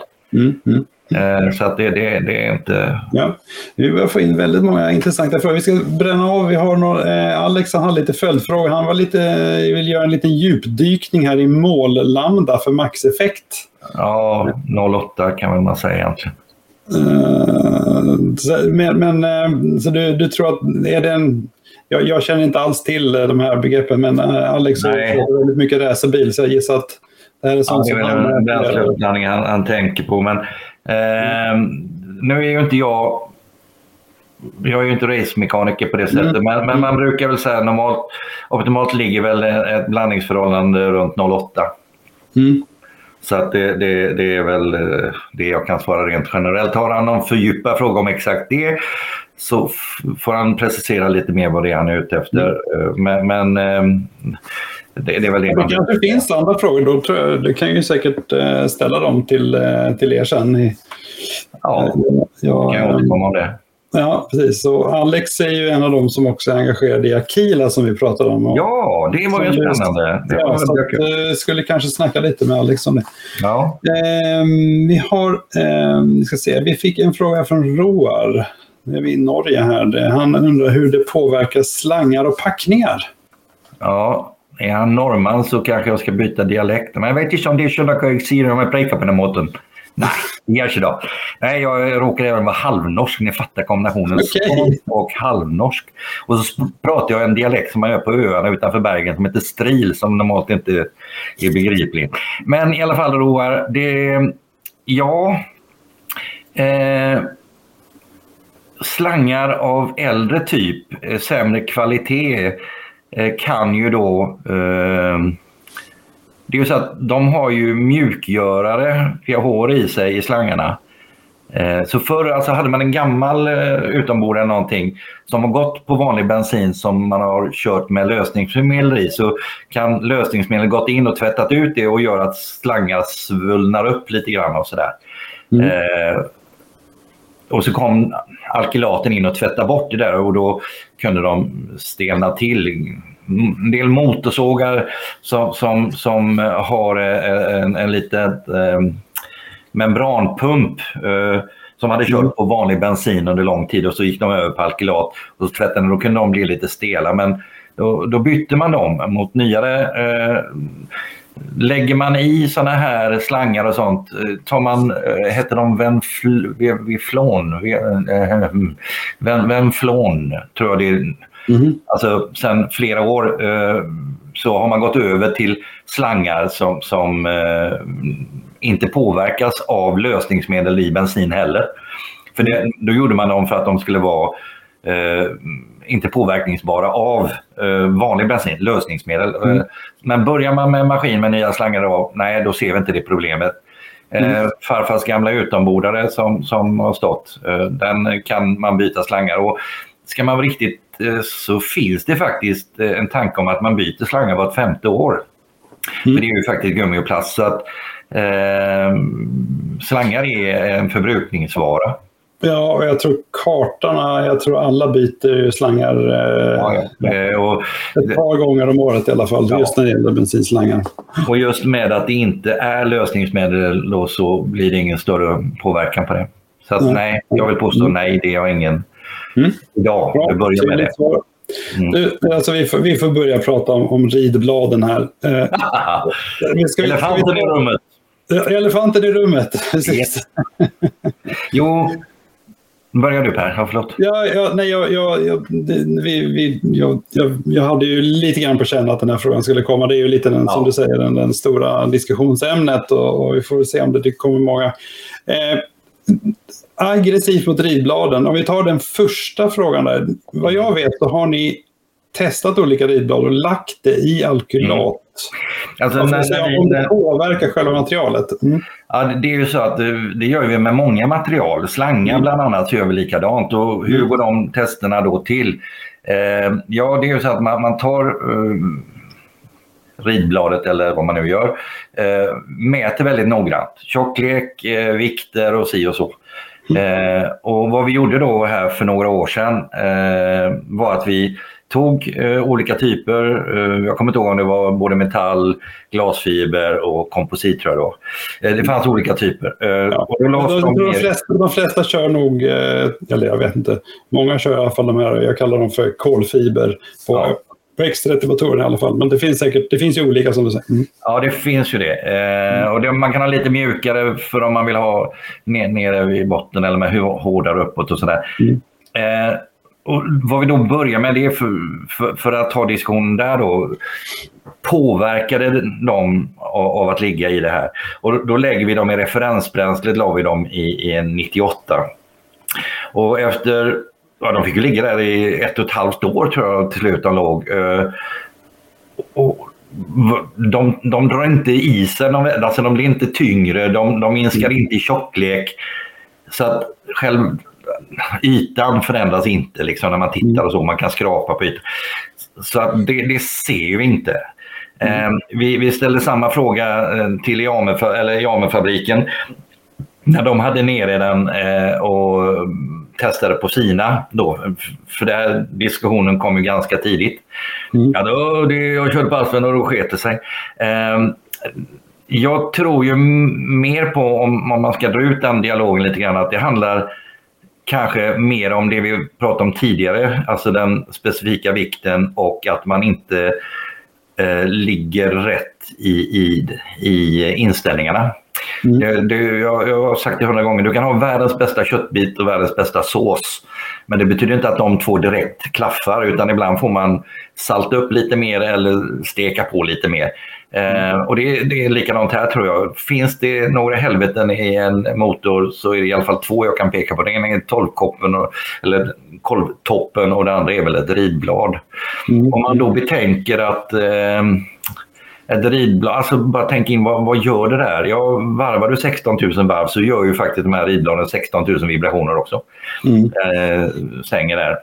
Det är en otrolig påfrestning och ridblad har gått sönder innan aspen kom ut och ridblad kommer att gå sönder även med aspen och ridblad. Alltså, det är det nog. Men, men jag tror att genom att när vi går till många av motortrimmare och sånt idag och pratar med dem som, som håller på med detta och när eh, jag vill gå tillbaka igen till Andrea när vi ställde frågan ner till fabriken. Såg ni något? Nej, nej, nej.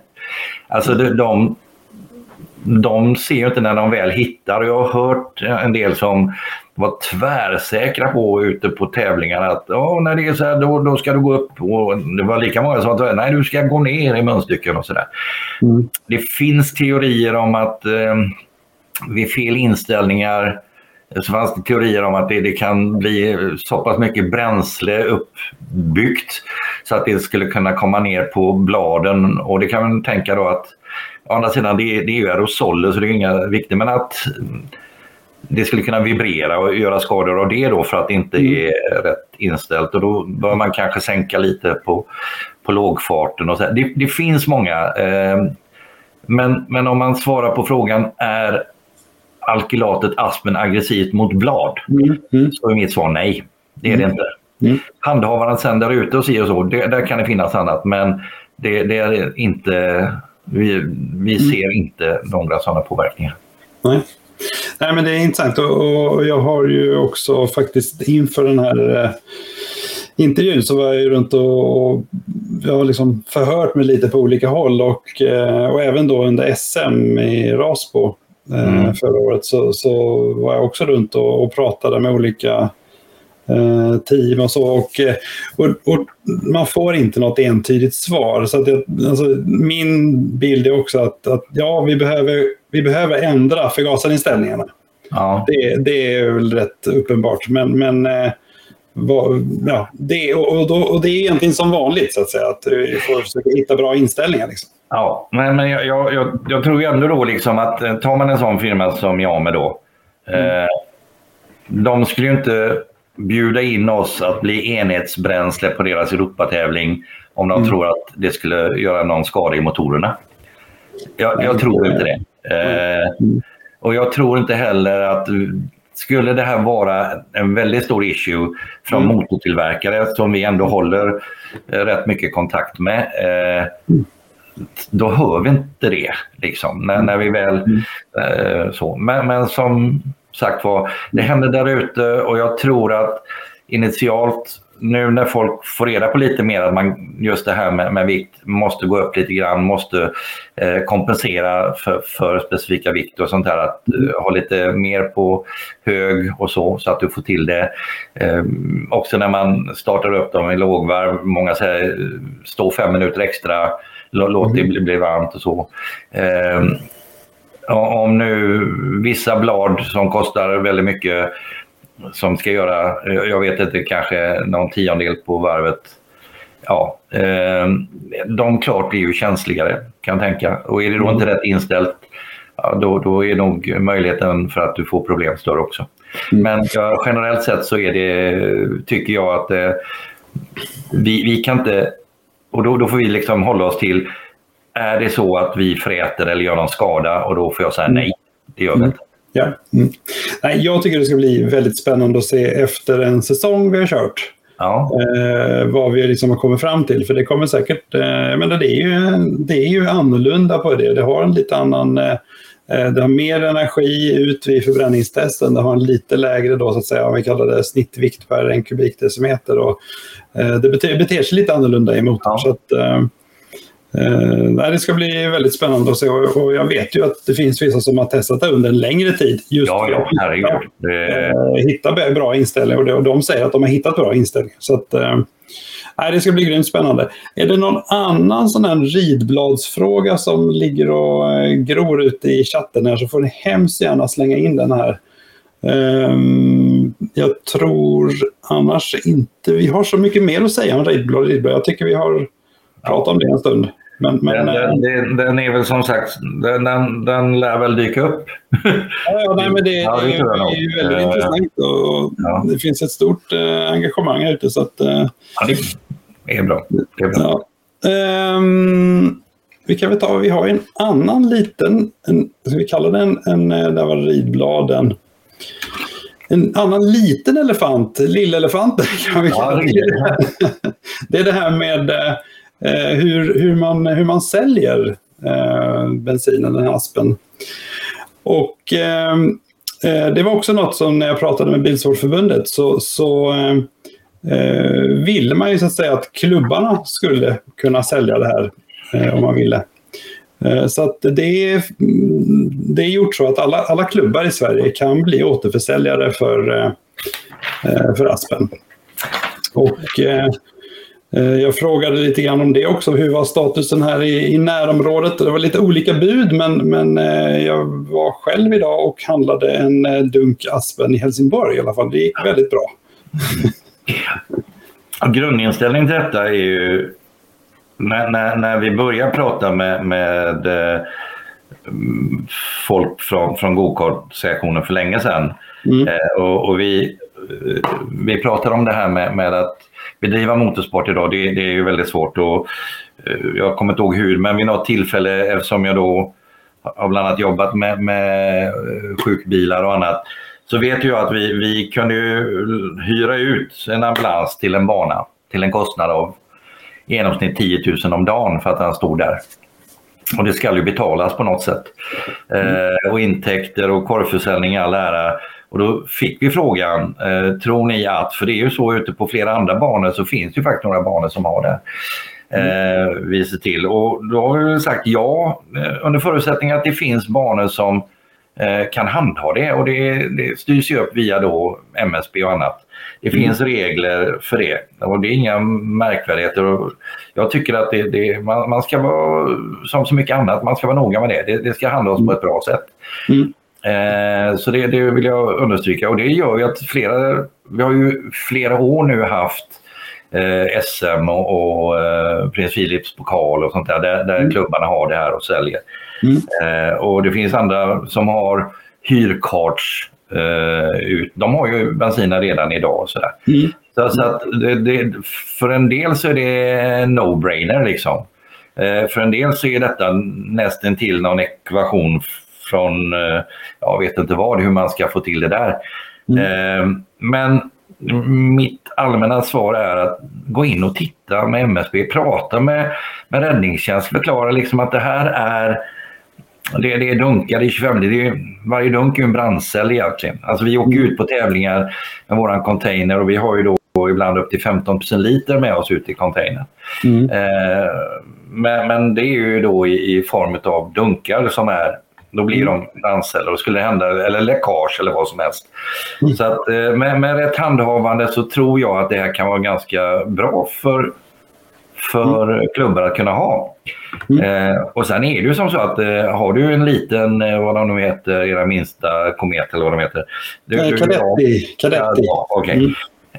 Förlåt min okunskap.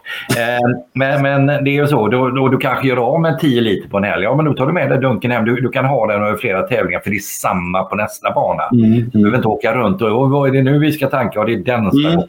Utan då är det samma bensin där. Så det, det tycker jag också är en, en, en faktiskt mm. en, en, grej att ha. Men, men samarbetet är tänkt så att banorna, eh, klubbarna skulle få ett pris som skulle göra att det kändes attraktivt för dem att eh, jobba med det. Mm. Ja, det ska bli, jag är säker på att klubbarna kommer på bra lösningar. Jag tycker redan det har dykt upp eh, möjligheten. Så att, eh... Men jag kan också tillägga det då innan vi helt slutar med det här. Det är ju så att det, vi har ju några tusental olika återförsäljarpunkter i Sverige. Det vill säga mm. Johanssons eh, trädgård och grönt och vad de heter. Mm. Eh, de flesta av de eh, butikerna eh, kan, det är ju inte alla som har just plussen hemma. Mm. Den är ju mer för motorsport, det är ju R och de. Eh, har det inte, men då kan ju de ta hem.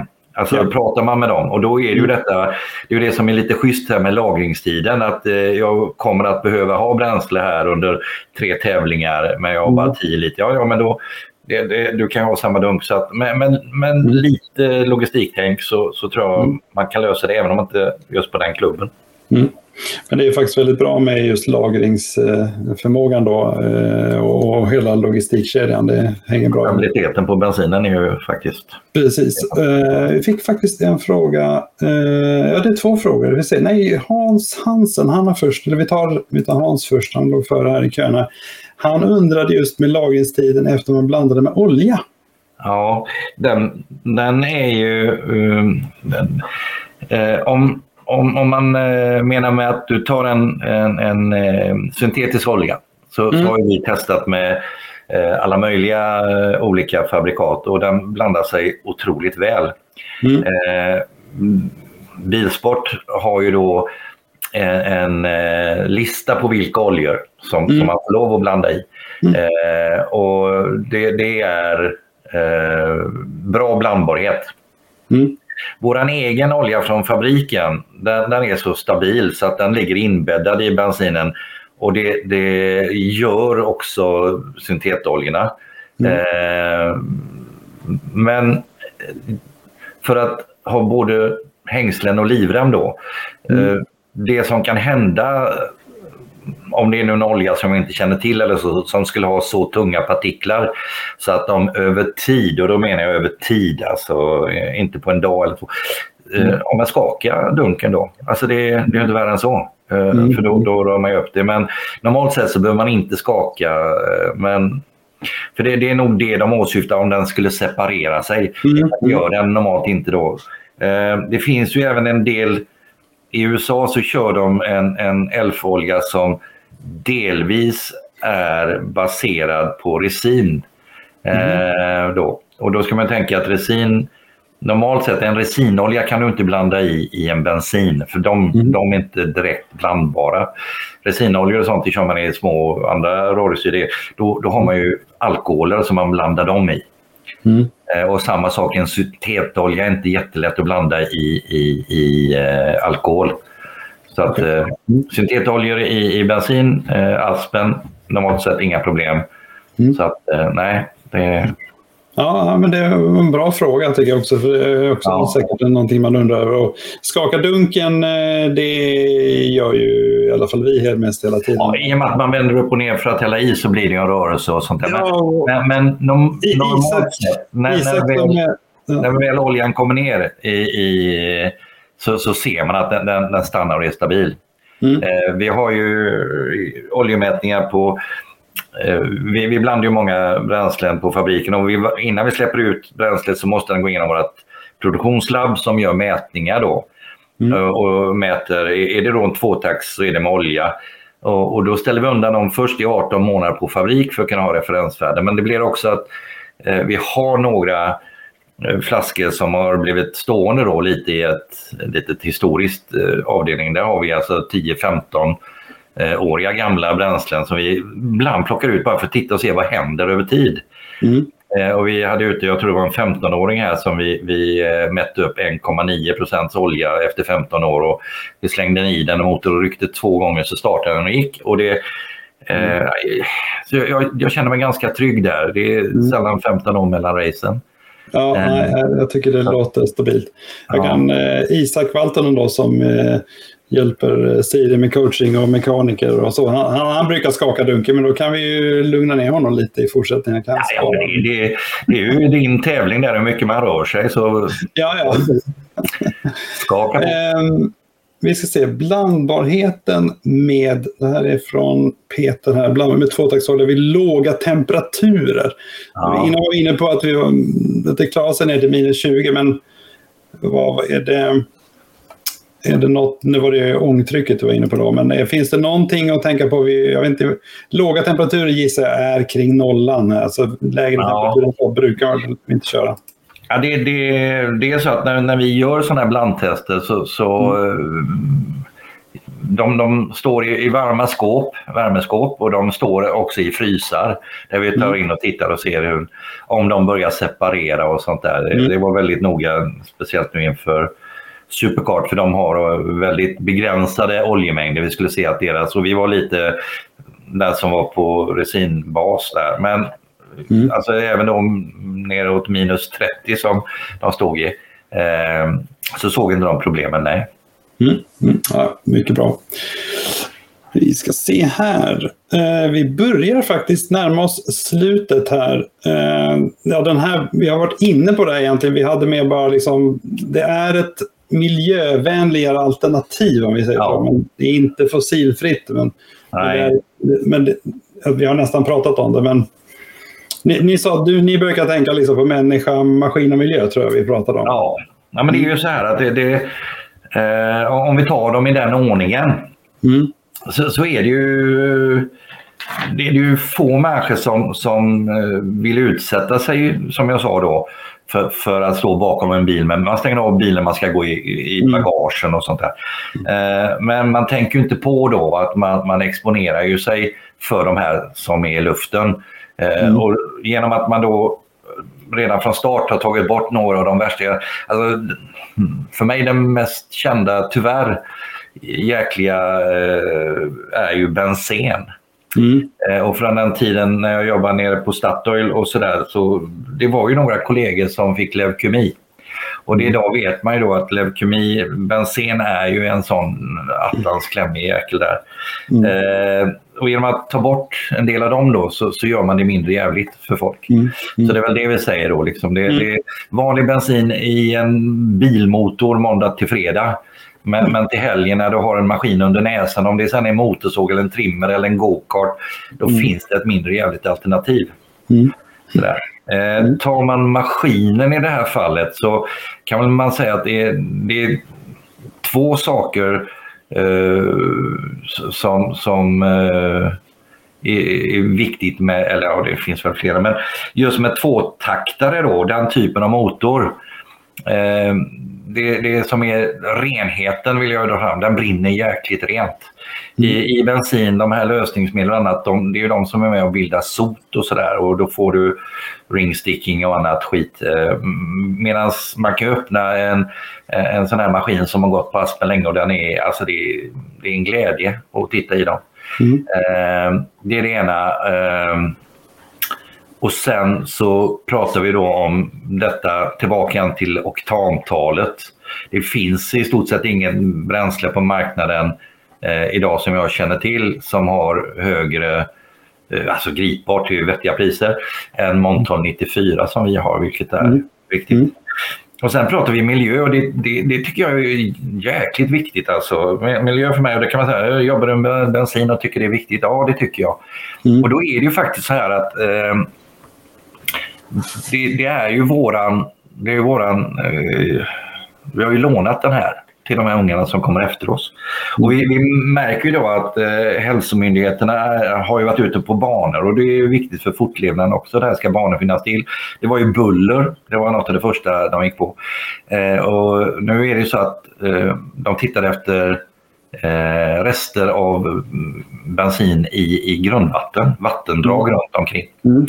Eh, och då kan det vara ganska skönt att veta att eh, den här aspen då, eh, om man skulle göra en jämförelse att du har en liten båt i den lilla sjön där hemma, du är jätterädd för du vill ha din fisk och du har en liten eh, påhängsmotor på den så går du ner till bryggan och så gör du det som vi säger i Göteborg, du fepplar till det.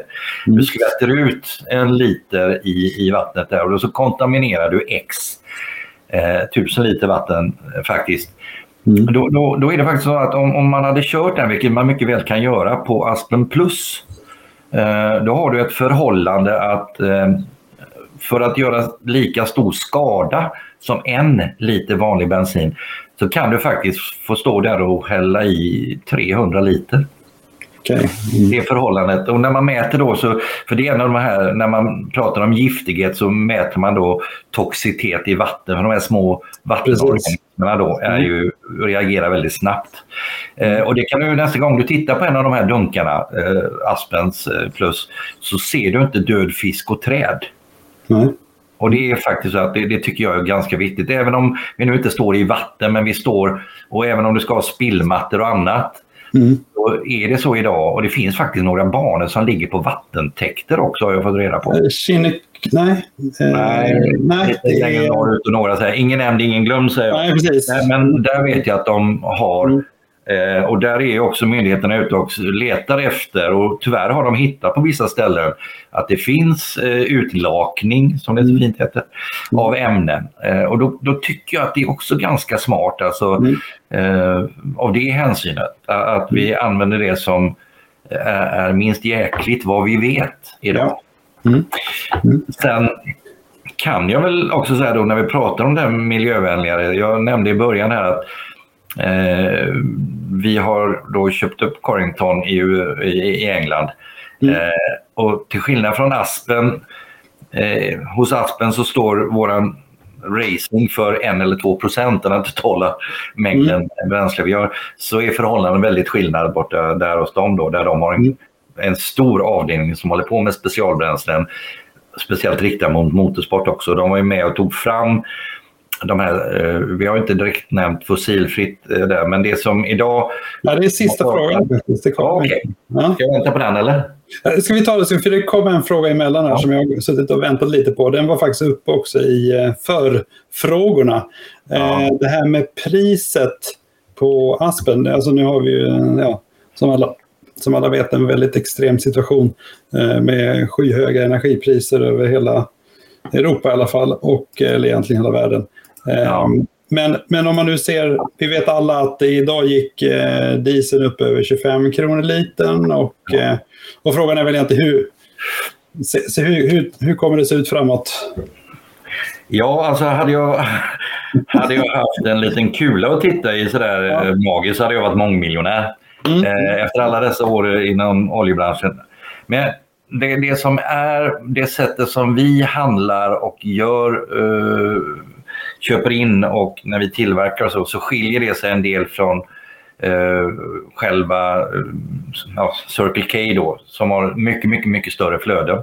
Mm. Men, men, vi har försökt här genom alla år att eh, handla och vi handlar på någonting som kallas eh, sport för att vi har det med terminer och det mm. gör att man låser upp då.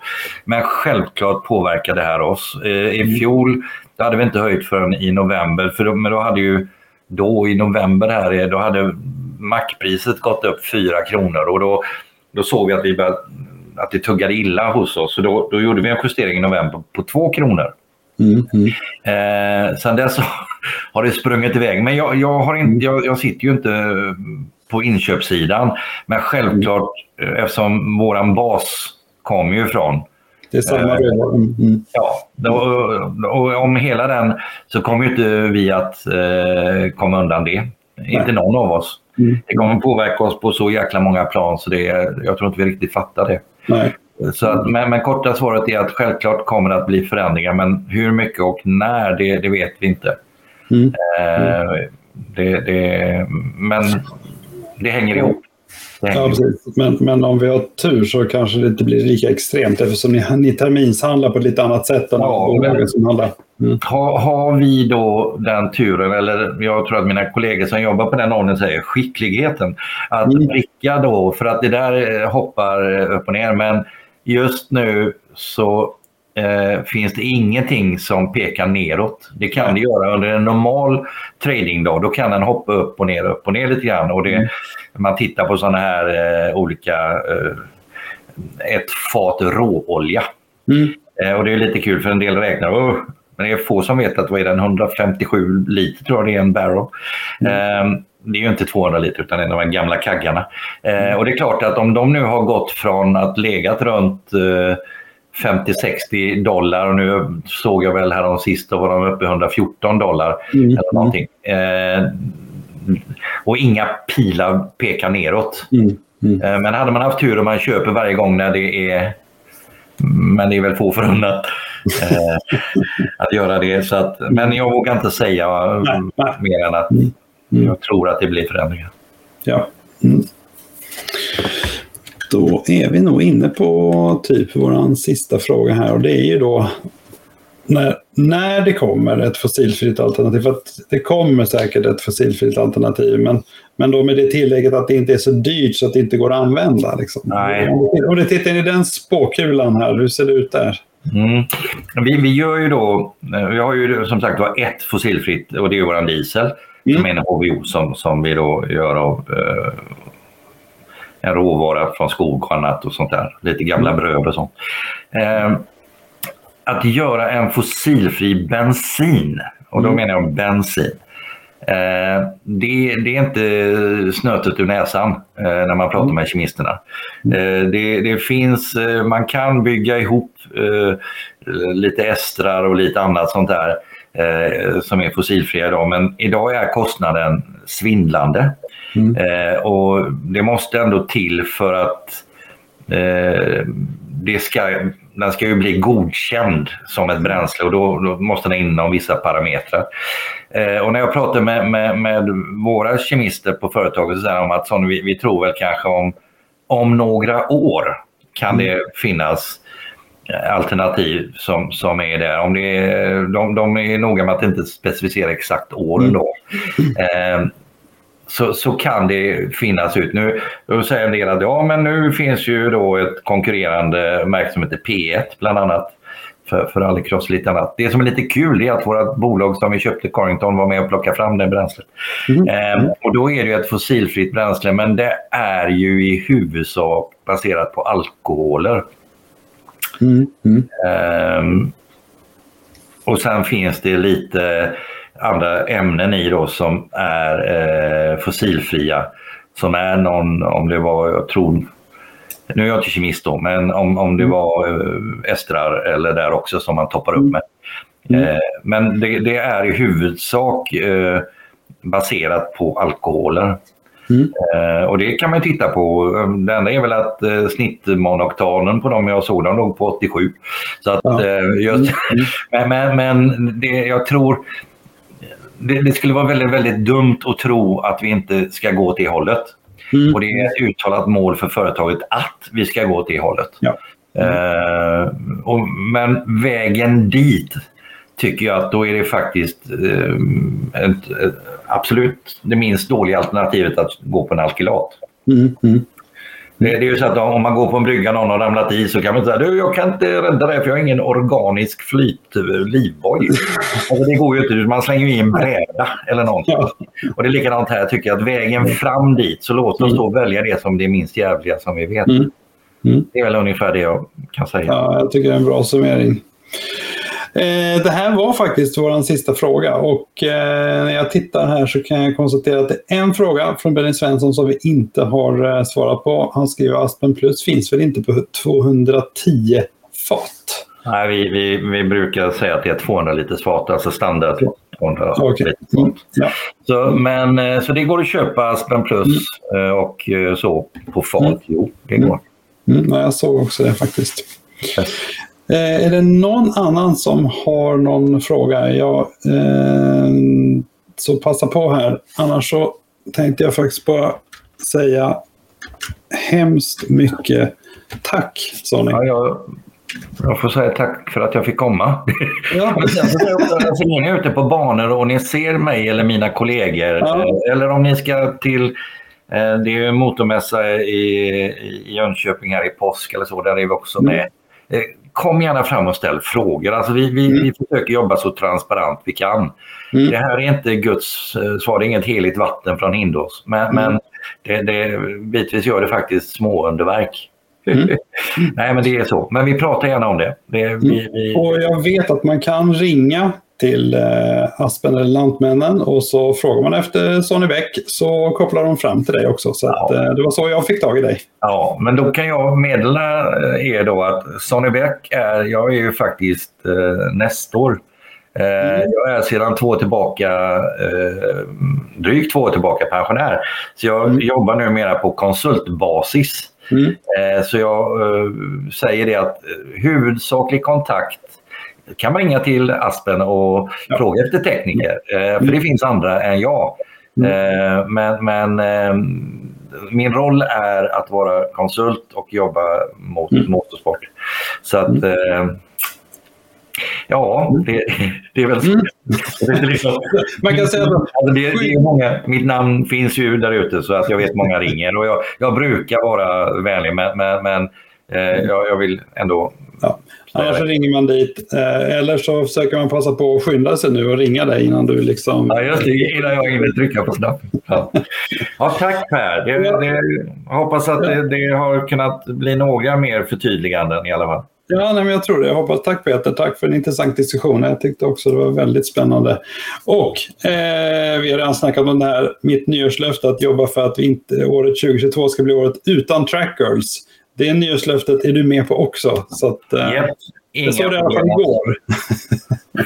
Igår sa du det i alla fall. Ja, men det, det gäller idag också. faktiskt. Jag, jag, jag har lite svårt eh, att förstå vad en tjej i bikini har att göra med en caterpillar eller ja. med någon, någon eldkastare eller vad som helst. Nej, jag hänger inte med på det. Jag har två döttrar.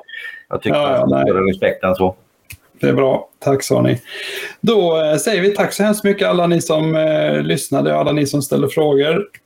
Eh, vi hörs igen om eh, någon vecka. Jag har faktiskt inget program. Nu börjar ju tävlingssäsongen börja dra igång lite här, men det kommer eh, några intervjuer till. Det är jag helt säker på. Så att, tack så. Om du bara hänger kvar, du sitter ja. still, så ska jag bara stänga av livesändningen här nämligen. Så. Hej då allihopa. Tack!